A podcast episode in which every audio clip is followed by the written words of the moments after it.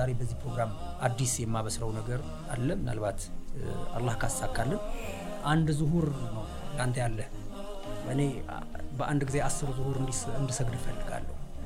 ሰው መስጊዶች ብዙ ቦታዎች ይሰራል እና እዛ ቦታ ላይ ሲሰገድ ሌላ ዙሁር አለ።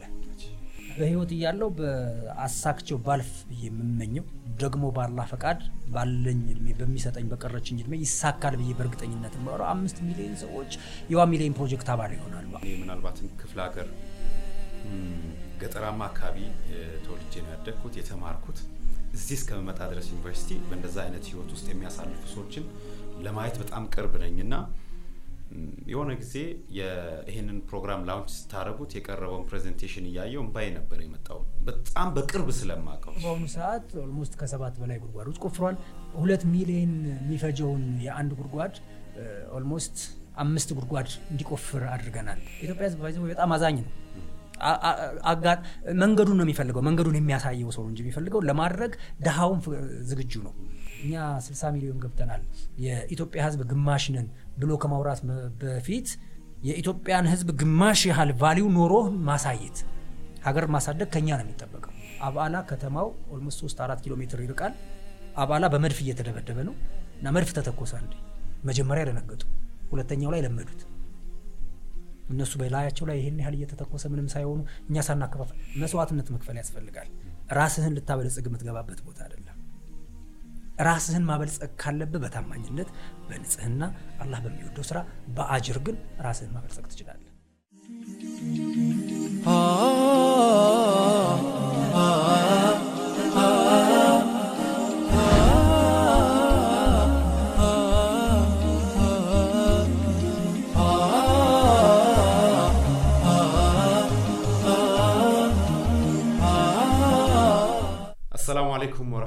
ወረህመቱላሂ ወበረካቱ። የተከበራችሁ ተከታታዮቻችን እንደምን? አዲስ ጣዕም የፖድካስት መሰናዷችን ጀምሯል። እንደ ሁል ጊዜውም እንግዶችን ጋብዘን የተለያዩ ሀሳቦች የሚንሸራሽሩበት የቁም ነገር ፕሮግራም ነው። በፕሮግራማችን ደስ እንደምትሰኙ ተስፋ አደርጋለሁ። ዛሬም አንድ ሀሳብ ከእንግዳ ጋር ይዤ መጥቻለሁ። እንግዳዬ ጋዜጠኛ ዲኑ አሊ ነው። በርካቶች ታውቁታላችሁ። በእስላማዊ ሚዲያዎች ላይ ባለው እንቅስቃሴ የዛውያ ቲቪ መስራች ነው። ከዚህም ባሻገር የተለያዩ ኸይር ስራዎችን በመስራት እንግዲህ ግንባር ቀደም ከሆኑት መካከል ነው። አሁን ደግሞ ኸይር ፈላጊ ኤንጂኦ ስራ አስኪያጅ በመሆን እየሰራ ይገኛል። ኸይር ፈላጊን በርካቶች ታውቁታላችሁ። የዛሬ 12 ወይም 13 ዓመታት ገደማ ወደ ኋላ ከተጓዝን በርካታ ስራዎችን በተለይ ከታማሚዎች ጋር ሲሰራ የነበረ እንቅስቃሴ ነበር። በአፍሪካ ቲቪ የሚቀርብ የበረካ መሰናዶ ላይ ራሱ ራሱን የቻለ አንድ የኸይር ፈላጊ ፕሮግራም ነበር እና በዛ በርካቶች ተረድተውበታል። በርካቶች ደግሞ በመርዳትም አጅርም አግኝተውበታል። እንደው ዛሬ የምናወራው ስለ ኸይር ፈላጊ አዳዲስ ፕሮጀክቶችን እዚህ አጠገቤ ይዣለሁ እና ይዞ መጥቷል። ይዞ የመጣቸው ፕሮጀክቶች በጣም ለየት ያሉ ናቸው። የኤንጂኦ አሰራሮች መልካቸው ምን መሆን አለበት ከሚለው አንጻር በደንብ ሌሎችንም ሊያስተምር ሊያሳይ የሚችል አብሮ ደግሞ ከሌሎች ጋር ተባብሮ ለመስራት አመቺ የሆነ አይነት platform ይዛችሁ መጥታችኋል። እሱን ጉዳይ ነው በደንብ ዛሬ የምናወራው ዲኑ ጋር። በእርግጥ በርካታ ጉዳዮችን ማውራት እንችል ነበር፣ ግን ይህንን ወቅታዊ ጉዳይም ጭምር ስለሆነ በርካቶች እንዲረዱት ከመፈለግ ነው። ዲኑ እንኳን ደህና መጣ። እንኳን ደህና ቆያችሁ። እንግዲህ ዛሬ እስኪ የተለያዩ ሀሳቦችን ሰዎችን ከመርዳት ጋር ከኸይር ስራዎች ጋር አያይዘን እናወራለን። ዲኑ ወደዚህ እስላማዊ አካባቢዎች ከመምጣቱ በፊት የነበረው ሁኔታ በብዙ ሚዲያዎች እንግዲህ እኛም አንድ ቀን እንደዚሁ የበዓል ፕሮግራም ላይ ብዙ ነገሮች ያስወርተንህ ነበር። ዛሬ ፖድካስቱ አዲስ ነው፣ platform ኡ አዲስ ሰዎች የሚቀላቀሉና ዲኑ ማን ነው እንደሚለውን በጥቂቱ ብትነግርልን ደስ ይለኛል። ዲኑ ያው ዲኑ ነው። ብዙ የሚገለጽ ብዙ የሚወራ ነገር አለው ብዬ አላስብም። ከዚህ ከአፍሪካ ቲቪ መምጣት በኋላ ያለውን ነገር ብቻ ብናነሳ የሚበቃ ይመስለኛል። አፍሪካ ቲቪ ኢትዮጵያ ውስጥ እንቅስቃሴ በጀመረበት ወይም ደግሞ ስርጭት በጀመረበት ወቅት አንድ የተቸገረው ነገር ነበረ። ያ ምንድን ነው? ሙስሊም የሆኑ ካሜራማኖች ማግኘት እንዳልቻለ፣ ኤዲተሮችን ማግኘት እንዳልቻለ እሰራበት በነበረው ቦታ ላይ ነው የሰማሁት። አጋጣሚው አንድ የጫማ ማስታወቂያ ለኦሮምኛ እየሰራን ያንን የምታሰራው ማስታወቂያውን የምታሰራው እህት የፕሮቴስታንት እምነት ተከታይ ናት። ግን መረጃ ደርሷት እሷ እኔ ሳልሰማ እሷ መረጃ ደርሷት አፍሪካ ቲቪ የሚባል ተከፍቷል፣ አዎ አየዋለሁ አልፎ አልፎ ካሜራማን ተቸግረዋል እኮ አለችኝ። እና ምን ማለት ነው ሙስሊም ካሜራማን ፈልገው እንደዚህ አናግረውኝ አጥተዋል ምናምን አለችኝ እና ቀረጻውን እንደጨረስኩ ነው immediately ማስታወቂያው የሚቀረጸው እንጦጦ ተራራ ላይ ነበር። እንጦጦውን ጨረስን። እነሱን ሸኙኝ አልኳቸው። ወዴት ሲሉኝ አፍሪካ ቲቪ ወዳለበት አካባቢ ደውዬ ነበረ። እዚህ ማመድ ረጃ ህንፃ ያለው ወደዛ ገባው።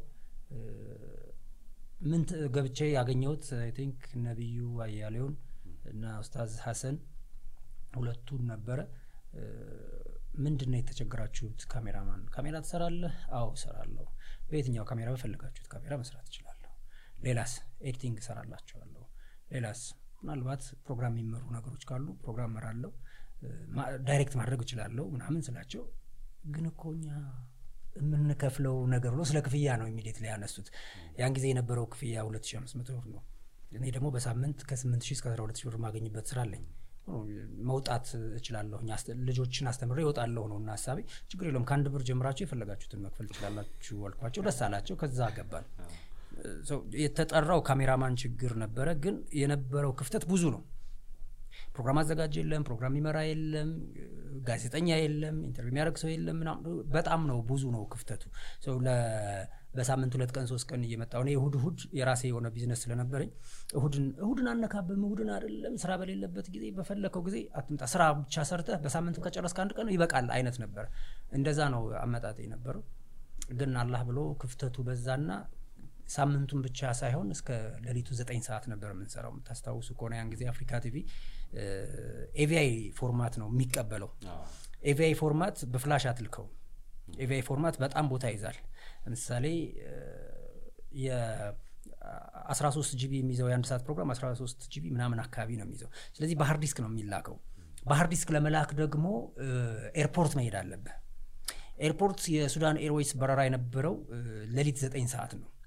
አስር ሰዓት ምናምን አካባቢ ነው። ዘጠኝ ሰዓት እዛ ሄደን በማናቀው ቋንቋ ተጎላድፈን እንዲዎችን አድርሱልን ብለን ስልክ ጽፈን ምናምን ነው ሄደና በሳምንት አንድ ቀን ለመስራት የታሰበው ቀንህንም almost ከ14 ከ15 ወይም ከ20 ሰዓት በላይ ይይዝብሃል።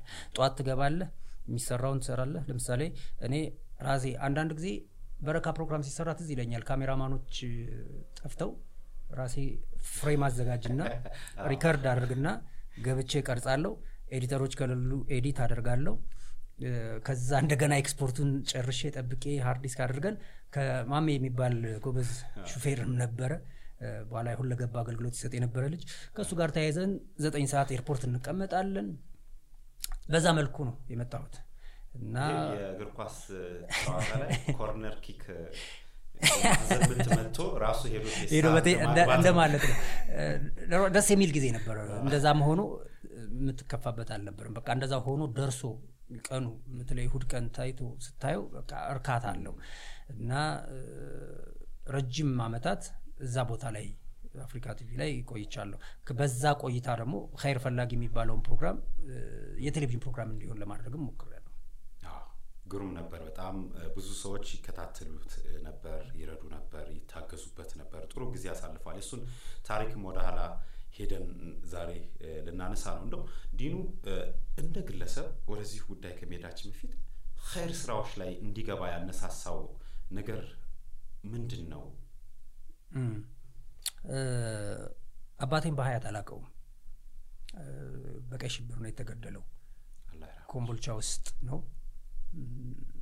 በጣም ኸይረኛ ሰው እንደነበረ ግን ያወቅኩት በብዙ ሰዎች እንክብካቤ ውስጥ በማደጌ ነው። የአሊ ልጅ ነው ሲባል የማይስመኝ ሙስሊም ይሁን ክርስቲያን የለም። እንግዲህ ኮምቦልቻ መስጊድ ሰርቷል አባቴ።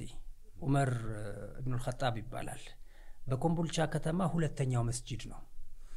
ይህንን መስጂድ የሰራበት ሂደት በቅርብ ጊዜ ነው ያገኘሁት።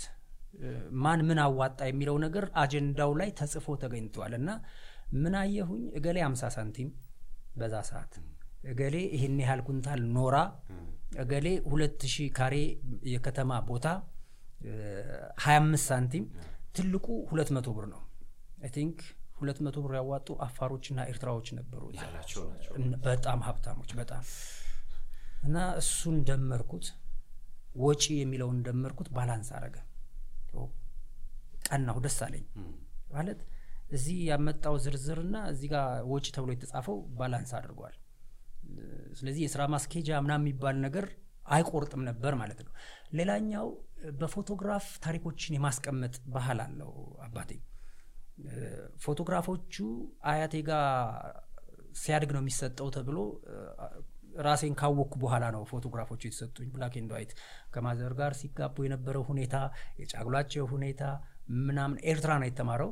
ኤርትራ ውስጥ የነበረው ሁኔታ ሲመረቅ በኃይለ ሥላሴ እጅ ነው ሽልማት የተሰጠው። እሱ ሁሉ ሳይቀር ከጀርባው መግለጫ ተደርጎ ተጽፎበት ያለው እና father የ scout boy አባል ነበር። scout boy የሚባል ነገር ታውቃለህ? አገልግሎት የሚሰጡ የ scout boy አባል ነበር። በ scout boy ውስጥ ሆኖ ምን ነበር የሚሰራው? አረጋውያንን እንክብካቤ በጣም ይሰራል። እና ያንን ነገር እኔ ሳላስበው እሳብበት ነበር። በመጀመሪያ ደረጃ ይሄንን ከማወቄ በፊት እኔ እንዲህ አይነት እንቅስቃሴዎች ጀምሬ ነበር። ግን አንዳንድ ሰው ልክ እንደ አባቱ ምናምን ሲሉ ስለ አባቴ የማወቅ ፍላጎት ጉጉት ጭምር እና ያ ነገር ተመሳሳይ አባቴ ቲያትር ሰርቷል። አባቴ መድረክ መርቷል። አባቴ መስጊዶችን አስተባብሮ አሰርቷል። አባቴ አረጋውያን እንክብካቤ ላይ አለ። ኮምቦልቻ ሲሄድ አንድ ትልቅ ሰው እያጋጠሙኝና እኛ ሰላት አንሰግድም ነበር። አባትህ በእድሜ ከእኛ በታች ታናሻችን ነበረ። በሰላት ነገር አይደራደርም እና ሁልጊዜ ስገዱ ይለናል። እኛ ደግሞ ሁልጊዜ ምክንያታችን ልብሳችን ተነጅሷል ነው። በኋላ ምን ዘዴ ዘየዳለ በየቤቱ እያንኳኳ አንድ ልብስ ብቻ ነው ያለን የምትሉ ሰዎች የተነጀሰባችሁ እሁድ ቦርከና ወንዝ ይዛችሁልኝ ነው እኔ አጥቤ በየቤታቸው አመጣለሁ እያለ እያጠበ ይወስድላቸው ነበር። ሰው የእሱ የእሱ መስህብ ይመስለኛል ወደዛ ውስጥ የምትገባው። ሁለተኛ ግን ኸይር ስራ የሚባለው ነገር በባህሪው የመጀመሪያውን ስራ ሰርተው ሰክሰሱን ስታየው እርካታው ሱስ ይሆናል። የቡና ሱሰኛውን መውሰድ ትችላለህ። ቡና ካልጠጣ ምንድን ነው ያዛገዋል አይደል? አሁን እኔ አንድ ወር ካለፈኝ የሆነ ኸይር ስራ ከሰራው በጣም ድባቴ ውስጥ ልገባ እችላለሁ። የሆነ ነገር መስራት አለብኝ። የሆነ ነገር መፈጠር መቻል አለበት። ችግር ይፈጠር ማለት አይደለም። ኸይር ስራ ማለት ችግር ተፈጥሮ ችግሩን መፍታት ብቻ አይደለም። ችግር እንዳይፈጠር ቀድሞ መከላከል ነው ትልቁ ኸይር ስራ። አጋጣሚ ከዛ አልፎ ግን ችግሩ ከተፈጠረ ፈጥነ መፍታት አለብህ። የመጀመሪያውና ትልቁ ኸይር ስራ ግን ችግር ከመፈጠሩ በፊት ቀድሞ መከላከል። የታመመን ሰው ለማከም የተቋቋሙ ሆስፒታሎች አሉ። ቅድመ መከላከል ላይ ግን ይሰራሉ። ቅድመ ምርመራ እየተባለ አሁን እንትን የሚላሉ አይደለ? አመታዊ ምርመራ ስትታመም አይደለም ስትወርቅ አይደለም እኮ የምትሄደው። አሁን ዘመናዊነቱ እየመጣ ሲሄድ ልክ እንደዛ ሁሉ ኸይር ስራም ነገሩ ከመፈጠሩ በፊት ማስተካከል ነው። መስጂዶች የሌሉባቸው አካባቢዎች መስጂዶች መገንባት፣ ንጹህ ውሃ አሁን ውሃ ላይ የምንሰራው ስራ በኋላ በደንብ እንመጣበታለን። ውሃ ቅድመ መከላከል ነው ብለን ስለምናምን ነው። ውሃ ቅድመ መከላከል የሚሆነው አንደኛ ጤናን ንጹህ የመጠጥ ውሃ በማቅረብ የውሃ ወለድ በሽታዎችን ትከላከላለህ። ሁለተኛ የሴት ልጅን መደፈር ትከላከላለህ። ሩቅ ሌሊት ተነስታ ውሃ የምትቀዳን ሴት በሯ ላይ ጉድጓድ ብትቆፍርላት ሌሊት እኮ ዘጠኝ ሰዓት ስትሄድ በጎረምሶች መደፈር፣ በጅብ መበላት ምና በቅድመ መከላከል ስለሆነ ውሃ ላይ አተኩረ እንደዚህ አይነት ነገሮችን እንግዲህ የአባቴ ባህሪ የነበረ ይመስለኛል። በውርስ የተገኘ ከአባቴ የወረስኩት እሱን ነው ብዬ አስባለሁ። ጥሩ ነገር ነው አይደል? ጥሩ በጣም በጣም ግሩም ነው። እንግዲህ ስለዚህ ጉዳይ እንደዚህ ካልን ዲኑ ኸይር ፈላጊ የፈጠረው ተጽዕኖ የተጀመረበትን ሁኔታ ጀምረ የፈጠረውን ተጽዕኖ በተወሰነ መልኩ እናንሳ። አንድም አሁን ቅድም ስትል እኮ አንተ ኸይሩን ስራ እንዳታቆም ያደርግሃል። የሆነ ድብታ ውስጥ ገባለሁ ብልሃል። ሰውም አይለቅህም። የሆነ ነገር ፍጠር እንጂ አይሉሃል እኮ እውነት ነው። የሆነ ችግር ምን ነው ትባላለህ። የሆነ ነገር ፍጠር እንጂ ዲኑ ትባላል፣ አይቀርልህም። እንግዲህ ይሄ ደግሞ በጣም ትልቅ መሰጠት ነው፣ እድለኝነትም ጭምር ነው። ማንም ተነስቶ ኸይር ስራ የሚጋብዘኝ ሰው እኔ ኬት አገኛለሁ ስላልተሳተፍኩበት እና ኸይር ፈላጊ ይህንን ስራ ሲጀምር የነበረው እንቅስቃሴ ምን ነበር? ምን ምን ነገሮችን ነበር ሲሰራ የነበረው ከዚህ ቀደም በነበረው እንቅስቃሴ? ኸይር ፈላጊ ከአፍሪካ ቲቪ በፊትና ከአፍሪካ ቲቪ መምጣት በኋላ ብለን እንክፈለዋለን። ማለት ከአፍሪካ ቲቪ መምጣት በፊት ስሙ ኸይር ፈላጊ አይደለም፣ ያው በጎ ስራው ግን ነበረ። የ martial art መድረኮችን እመራለሁ፣ ብዙዎች ያውቃሉ። በተለይ አሁን አዲስ አበባ ውስጥ ብቻ ማለት መላው ኢትዮጵያ ያሉ የ martial art ባለሙያዎች በአብዛኛው ያውቁኛል። ቢያንስ ቢያንስ እዛ ላይ ግን እንዴት ነው የክብር black belt አለኝ። የክብር black belt ተሰጥቶኛል። ከአጠቃላይ የ martial art አሰልጣኞች የፈረሙበት የክብር black belt እንዲሁም አስታውሳለሁ። ኤፍሬም martial art ይባላል። የውሹ ኩንግፉ አሰልጣኝ ነው። ጀማል ጂትኩንዶ አለ። ከዛ ሳቦም አሁን master ሳይሆኑ አይቀሩም። master ወጋየው፣ master አብዲ ምናምን ባሉበት ነው እና የክብር black belt ኡ ሰርቲፊኬቱ ከተሰጠኝ በኋላ belt ኡን ወገቤ ላይ ሊያስሩ ሲሉ ኤፍሬም no no የክብር black belt ወገብ ላይ አይታሰርም። አንደኛ ልብስ normal ልብስ ነው የለበስኩት፣ ዩኒፎርም መለበስ አለበት። ሁለተኛ የክብር black belt ነው። የክብር black belt አንገት ላይ ነው የሚደረገው ብሎ አንገት ላይ ያደረገበት ጊዜ ትዝ ይለኛል። እዛ ላይ ምንድን ነው በመላው አገሪቱ ያሉ ሰዎች ከሰለጠኑ በኋላ ለ dan ሰርተፍኬት ወደዚህ ይመጣሉ። dan ስልጠና አለው። dan ማለት black belt ከገባ በኋላ first dan ይባላል። second dan፣ third dan እያለ እስከ ninth dan ድረስ ይሄዳል። grand master ደረጃ የሚደረስበት ማለት ነው። ሳቦም ሳቦም master grand master እያለ በ step የሚያደርግበት እና በአብዛኛው እዚህ እንተዋወቃለን። ያንን መድረክ በምመራበት ጊዜ ከብዙ ሰው ጋር ትገናኛለህ። ያንን ነገር ምን ልንጠቀምበት እንችላለን? ይህንን ማህበረሰብ በጎነት ልታስተምርበት የምትችለው ሁለተኛ ሳይጎዳ የማንም ኪስ ሳይጎድል የሆነ ሰው ኪስ የሚሞላበትን system መፍጠር ይቻላል። እኔ ቁጥር ላይ በጣም ማተኮር እወዳለሁ። ሰው አንድ አባት ከደሴ አካባቢ ልጃቸው ታማ መጡ። ተጠየቀችው 14 ሺህ ብር ነው። የአሁኑ 14 ሺህ ብር አይደለም።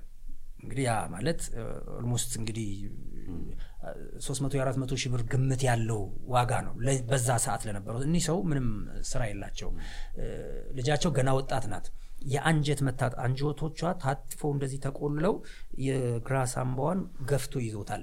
አንደኛ ሳምባዋን ገፍቶ አተነፋፈስ ስርዓቷን አዛብቶታል። ሁለተኛ አንጀት ተጣጥፎ ደግሞ ምግብ እንደ ልብ አይዘዋወርም። አትበላም፣ መተንፈስ አትችልም። ሰው ቶሎ ኦፕራሲዮን ተደርጎ ነገርየው መፍትሄ የማያገኝ ከሆነ ለሞት የማያበቃው በሽታ ወደ ሞት ይወስዳታል ነው። አራት ኪሎ ሕክማ ነበር አስታውሳለሁ። ውጭ አዋሩኝ። እስቲ አባት ያብሽሩ ብሩ ይገኛል፣ ግቡና ይቀመጡ ይዣቸው ገባው። ተቀመጡ። እኔ ፕሮግራሙን ከመጀመሪ በፊት ዛሬ የዛሬው ፕሮግራም በበጎ ምግባር እንጀምር። አንድ እህታችን እንደዚህ እንደዚህ እንደዚህ አይነት እንትኑ ላይ የተጻፈልኝን case ሰነዱ ላይ ያለውን ነገር አነበብኩኝና እችን እህታችንን ለማሳከም 14 ሺህ ብር ይበቃል። እዚህ ውስጥ almost ወደ ሁለት ምናምን አካባቢ ተመልካቾች አለን። እያንዳንዳችን ብናካፍለው ሊደርስ የሚችለው ብር በጣም ትንሽ ነው። ስለዚህ ይችን በማድረግ የዛሬውን ፕሮግራም እንጀምር። ተማሪዎቻችንን ከመጋበዛችን በፊት አብዛኛው ደግሞ በጣም የኢትዮጵያ ሕዝብ በጣም አዛኝ ነው።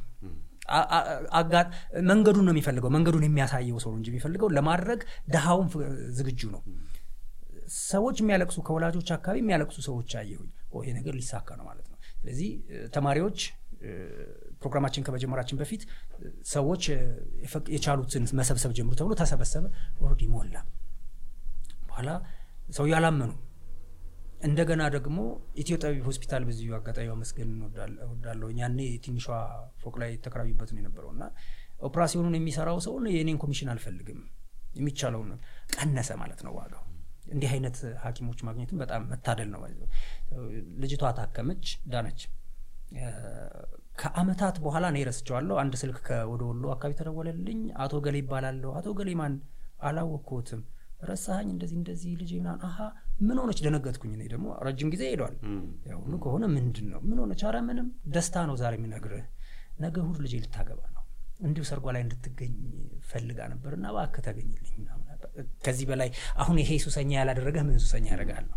ከዚያ በኋላ ወደ አፍሪካ ቲቪ ሲመጣ ግን አንድ ሱዳን ያለ ሰው ነው። የትኛው ኡስታዝ እንደሆነ አላቅም። ምናልባት ይህን ፕሮግራም እየተከታተለ ከሆነ እኔ ነኝ ቢለኝ ደስ ይለኛል። ስሙን የሰየመው እኔ አይደለሁም የሰየምኩት። ፕሮግራሙን እየሰራ ነው ነው መስጊዶችን የማሰራት እንደዚህ የታመሙ ሰዎችን የማስተባበር ስራ የማስጀመር ይሄንን ስራ ለምን ኸይር ፈላጊ አትሉትም ብሎ ከሱዳኑ ቢሮ ነው ርዕሱ የተላከልን ነው። በጣም ወደድኩት። የሚገርም ስያሜ ነው። ደስ ይላል እኮ ኸይር ፈላጊ በጣም ምን አይነት ሀሳብ ነው! ማሻላ በቃ ይሄ መሆን አለበት ተብሎ ወዲያው ተባለ። ኸይር ፈላጊ ተባለ። ኸይር ፈላጊ ከተባለ በኋላ በሕክምናውም ዘርፍ ምናምኑ በጣም ሰፊ ስራ ተሰርቷል። ለምሳሌ ህንድ ያሉ ሁለት ሆስፒታሎች ግብዣ ልከውልኛል። አፖሎና ማክስ የሚባል ሆስፒታል አሉ ኒው ደልሂ ውስጥ ብዙ ሰው በማሳከም ማለት ነው። እና ሆስፒታላቸውን ሄጄ እንዳይ ማለት እምነቱ እንዲኖረኝ ነው። አየህ ምን አይነት ጎበዞች እንደሆኑ። ሆስፒታሉን ሄደህ ስታይ በአጋጣሚ በእነሱ ግብዣ አልተመቸኝም፣ አልሄድኩም ነበር። ግን በራሴ መንገድ ሄጄ ሁለቱንም ሆስፒታሎች አይቻለሁ። አፖሎ የሚባለው ሆስፒታል በጣም በርካታ ኢትዮጵያውያን ባለሙያዎች በተለይ ልብ ቀዶ ጥገና የሚማሩበት ነው። ማክስ የሚባለው ሆስፒታል በጣም ብዙ ፕሮፌሰሮች ያሉበት ነው። በደንብ አይቼዋለሁ። እዛ ነበር ስንሰራ የነበረው። ዋጋ ቅናሽ አለ። እንደገና ደግሞ perfect የመስራት እንትን አለ። ያው ያለፈው መንግስት እስኪከለክለን ድረስ በሕክምናው ላይ ብዙ ሰርተናል። በጣም ግሩም ነው። በቁጥሮች እንግዲህ ቢገለጽ ምናልባት የሰው ነፍስን የሰው ህይወትን ማትረፍ በጣም ምን ያክል እንደሆነ ይህንን ያክል ብለን እንደ ሌላ ነገር መግለጽ አንችልም። በጣም ምክንያቱም ነገሩ ምን ያክል ይፈጃል ሳይሆን ሰዎች ምን ያክል ከችግራቸው ተላቀቁ የሚለው ጭምር ስለሆነ እንግዲህ አላህ ኸይር ጀዛችሁን ይክፈላችሁ ነው የምንለው። እዚህ አጋጣሚ አፍሪካ ቲቪም ጥሩ ስራ ነው በዚህ አጋጣሚ የሰራው።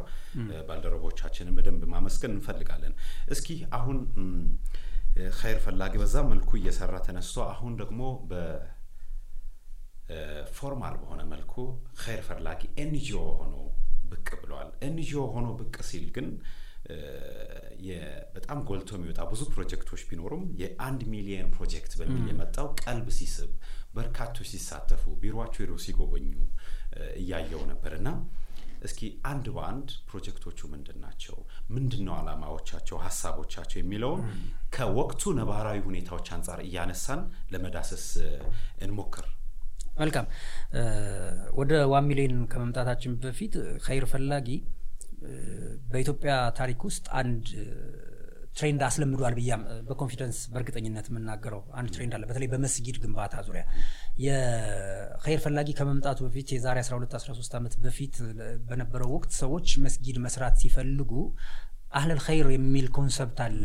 እስቲ አህለል ኸይር ፈልጉ፣ አህለል ኸይር እንፈልግ ይባላል። ማለት አህለል ኸይር እንፈልግ ማለት እኔ አህለል ኸይር አይደለሁም እንደማለትም ጭምር ነው። ምናልባት በቀጥታ ባይሆን በተዘዋዋሪ እና አህለል ኸይር የሚለውን ነገር ደግሞ ሲፈለግ በጣም ርቀን የምናማትረው ወደ አረብ ሀገራት ነው። ምን ይደረጋል? ከመካከላችን አረበኛ በመጠኑም የሚችል ሰው ካለ ለሱ ፓስፖርት ማውጫ፣ ለሱ ትራንስፖርት እና ሆቴል እዛ ሄዶ ለሚያርፍበት ገንዘብ ይዋጣል። እዚህ ላይ ነው አስቂኙ ነገር የሚፈጠረው። እሱን ለመላክ ገንዘብ ማዋጣት ከቻልን መስጊዱን ለመስራት ገንዘብ ማዋጣት ለምንድን ነው? በዛ ሰዓት እንግዲህ የነበረው በአንድ ሚሊዮን ቆንጆ መስጊድ ይሰራል፣ ልጥጥ ያለ መስጊድ። አንድ ሚሊዮንን በራስህ ላይ ብቻ ስለምትሸከመው ነው እኔማ መስራት አልችልም እንኳን አንድ ሚሊዮን አውጥቼ መስጊድ ላሰራ ይቅርና አጠቃላይ ሀብቴ ቤቴ ተሽጦ አንድ ሚሊዮን አያወጣም። ስለዚህ ራሴን ነው ማስበው። ጥሩ ነው እኮ ሀሳቡ፣ እኔ ነኝ መስራት ያለብኝ የሚል ሀሳብ ነው። ግን ደግሞ ገንዘብ ሲዋጣ ሰውየው ደርሶ ለመምጣት አስር ሺህ ይሁን አስራ አምስት ሺህ ተዋቶ ይሰጠዋል። ወይ ደግሞ እዚህ የተወሰኑ ባለሀብቶች የተወሰኑ የምናውቃቸው በመስጊድ ስራ ላይ የሆነ መስጊድ ብትሄድ አሻራቸው የምታይ እንደነ ሼክ አደም በዳኔ እንደነ አላህ ይርሐማቸው እንደነ ሀጂ ቱሬ ምናምን በየመስጊዱ እነሱ ላይ ነው የምትንጠለጠለው። ያ አዋጭ አይደለም። ቀላል ዘዴ ግን አለ የሚል ነበር ኸይር ፈላጊ ይዞ የመጣው ምንድን ነው በዝተን መጠኑን ማካፈል። ለምሳሌ አንድ ሚሊዮን ብር ወይም ሁለት ሚሊዮን ብር የመጀመሪያ አካባቢ የሰራናቸው መስጊዶች አሉ። ለምሳሌ በአንድ ሚሊዮን ብር ምናምን የሰራናቸው በመካከል አምባ ጊዮርጊስ ላይ የሰራነውን መስጂድ እንደ ምሳሌ ብነግርህ ወደ ሁለት ሚሊዮን ነው የሚያስፈልገው። ሁለት ባለ 30 ሜትር ሚናር አለው። በአሁኑ ሰዓት ከ25 እስከ 30 ሚሊዮን የሚፈጅ ማለት ነው ግንባታው። ያንን በሁለት ሚሊዮን ብር ለመስራት ሁለት ሺህ ሰዎች እያንዳንዳቸው አንዳንድ ሺህ ብር የሚያወጡ ሲባል ቀለል አለው። አሀ ለካ መስራት እችላለሁ አለ። አሁን ያ ነገር ቆሞ ሰው በዚህ መልኩ በርካታ መስጊዶችን እየሰራ ነው። ኸይር ፈላጊ ብቻውን በአዲስ አበባ ውስጥ አንገነባም። በምክንያት ነው የማንገነባው። ምክንያቱም የአዲስ አበባ ሕዝብ ሆዳም ካልሆነ በስተቀር በቀን ሶስት ጊዜ እየበላ መስጊድ አካባቢው ላይ ለመገንባት ሌላ ሰው ቢለምን ነውር ነው። የህዝብ ብዛት አለ። ብዛቱ እንዳለ ሆኖ ደግሞ የተሻለ የተሻለ ህይወት አስር ብር ሀያ ብር ማዋጣት የማይችል ማህበረሰብ አይደለም ያለው። ስለዚህ ብዙ ጊዜ አዋጡ ሲባል የሚያዋጡ አረብ ሀገር ያሉ እህቶች ናቸው። የእነሱን ሳንቲም እዚህ ላይ እንትን ማድረግም ተገቢ አይደለም። ክፍለ ሀገርስ ኑሮ ወደ ከእጅ ወደ ነው። የመስጊድ ፍላጎት አለው፣ በምንም ተአምር መገንባት አይችልም። እንደዛ አይነት አካባቢ ከአርባ በላይ መስጅዶች ገንብተናል። ይሄንን ነገር ተለውጧል። ከዛ በኋላ አህለል ኸይር እኔ ነኝ አህለል ኸይር አንድ ሺህ ነው የሚደርስብኝ ሁለት ሚሊዮን ብር ሁለት በኋላ ላይ በካሬ ሜትር ማድረግ ጀመርን። አምስት መቶ ካሬ ሜትር ላይ መገንባት ካለብህ አምስት መቶ ካሬ ሜትር ስንት ሰው ያሰግዳል የሚል calculation መስራት ጀመርን። አንድ ሺህ አምስት መቶ ሰው ነው የሚያሰግደው በካሬ ሜትር ሶስት ሰው አድርገን ማለት በሱናው የምትሰግድ ከሆነ እንደዚህ ተናንቀህ በምትሰግዱ አሰጋገድ አይደለም፣ ተዋደ በምትሰግደው አሰጋገድ አንድ ካሬ ሜትር ሶስት ሰው ያሰግዳል። አንድ ሺህ አምስት መቶ ሁለት ሚሊዮን ከሆነ ሁለት ሚሊዮን ሲካፈል አንድ ሺህ አምስት መቶ አንድ ሺህ ሁለት መቶ ብር አካባቢ ነው የሚመጣው። ልካ መነሻችን ምንድን ነው ካልክ ደግሞ ለአላህ ብሎ መስጂድ የገነባ አይደለም የሚለው እኮ አይደል መስጂድ ከሚለው በፊት የወፍ ጎጆ የምትል ቃል ለምን ተጨመረች? በነቢያት ንግግር በአላህ ንግግር ውስጥ ያለ ምክንያት የሚጨመሩ ቃላቶች እንደሌሉ እኔ ያምናለሁ። ኸይር ፈላጊ ያምናል። የወፍ ጎጆ የምትለዋ ነገር የወፍ ጎጆ የሰውን ልጅ ግንባር ማታሰግድ ግን እንዴት ሆነ ብዙ የወፍ ጎጆዎች መስጊድ መሆን እንደሚችሉ ሲነግረን ነው። ስለዚህ ብዙ የወፍ ጎጆዎች አምጡ እንስራ ይሄንን አስተሳሰብ ቀይሯል።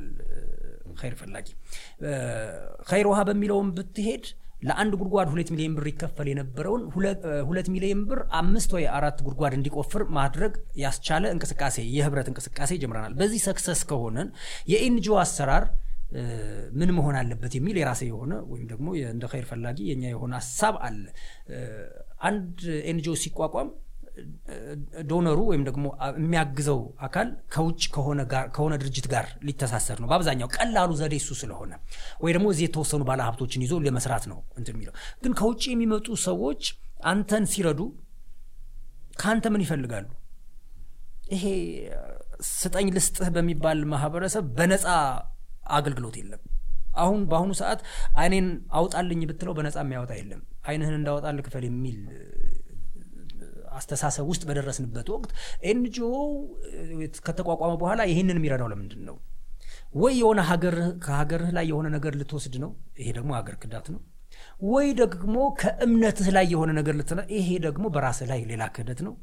የሆነ ነገር ይፈለጋል። ያንን ነገር አላደርግም ስትል ያ ድርጅት ደግሞ ፈንዱን ያቆማል። ፈንዱን ሲያቆም NGO ይዘጋል። ብዙዎቹ የሚከስሙት በዚህ ነው። የተወሰኑ ባለሀብቶች ላይ ብትንጠለጠል ደግሞ ባለሀብቱ የሆነ ወቅት ላይ ግብር ተመትቻለሁ ዛሬ አልችልም ሲልህ ልታቆመው ነው። ስለዚህ ምን መሆን አለበት? ድሃው ማህበረሰብ ነው የኔ donor። ለእኔ ፈንድ የሚያመጣው እሱ ነው። አንድ ጫማ በመጥረግ የሚተዳደር ሰው የኸይር ፈላጊ ባለቤትም አጋዥም ነው። ስለዚህ አንድ ሚሊዮን ሰዎችን እንሰበስባለን በወር አስር ብር ብቻ የሚከፍሉ በአሁኑ ሰዓት አንድ ጫማ ቢጠረግ በከተማ ደረጃ በትንሹ አስር ብር ነው አንድ ጫማ። አንድ ጫማ በመጥረግ የሚተዳደር ወንድም ወይም እህት በቀን አስር ጫማ ቢጠርጉ መቶ ብር አላቸው።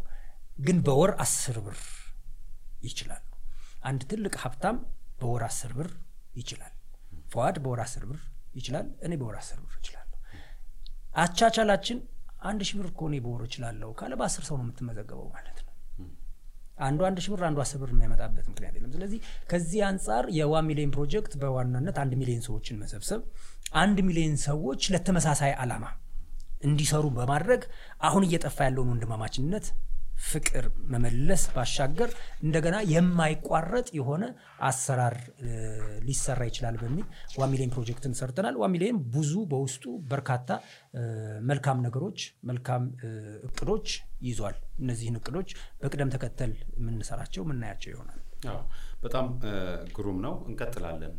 የያዛቸው እቅዶች የያዛቸው ውጥኖች፣ ሀሳቦች ምን ይመስላሉ የሚለውን ነጥብ በነጥብ እዚሁ እጄ ላይ የሚገኘው ላይም እስከ ሰባት የሚደርሱ በጥቂቱ ግልጽ የሆኑ ፕሮጀክቶች አሉና እነሱን ያኖራችኋቸውን ሀሳቦች ምንድን ነው ራዕያቸው የሚለውን ነገር እናያለን።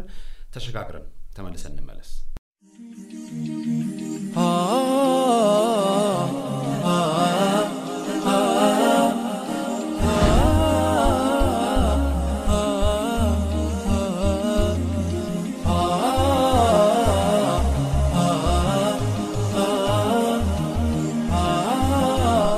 ጣዕም ፕሮግራማችን ነው እየተከታተላችሁን ስለሆነ እናመሰግናለን።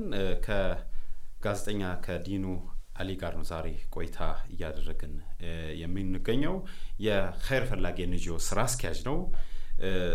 ዛሬ እንግዲህ ስለ ኸይር ስራ እያወራን የምንገኘው እግረ መንገድ ደግሞ ኸይር ፈላጊ ይዟቸው የመጧቸው ፕሮጀክቶች ምንድን ናቸው? ምን አዲስ ነገር ይዞ መጣ እያልን እየፈተሽን ነው። አንድ በአንድ እስኪ እኒህ የመጀመሪያው ዳሩል ኸይር የሚል ነው። ምንድን ነው ውጥን? ዳሩል ኸይር እንግዲህ ከስሙ እንደምንረዳው አንድ አንድ መንደር ለመገንባት እቅዳለን። ያ የኡለሞች መንደር ወይም ደግሞ የኡለሞች መኖሪያ የሚሆን ነው።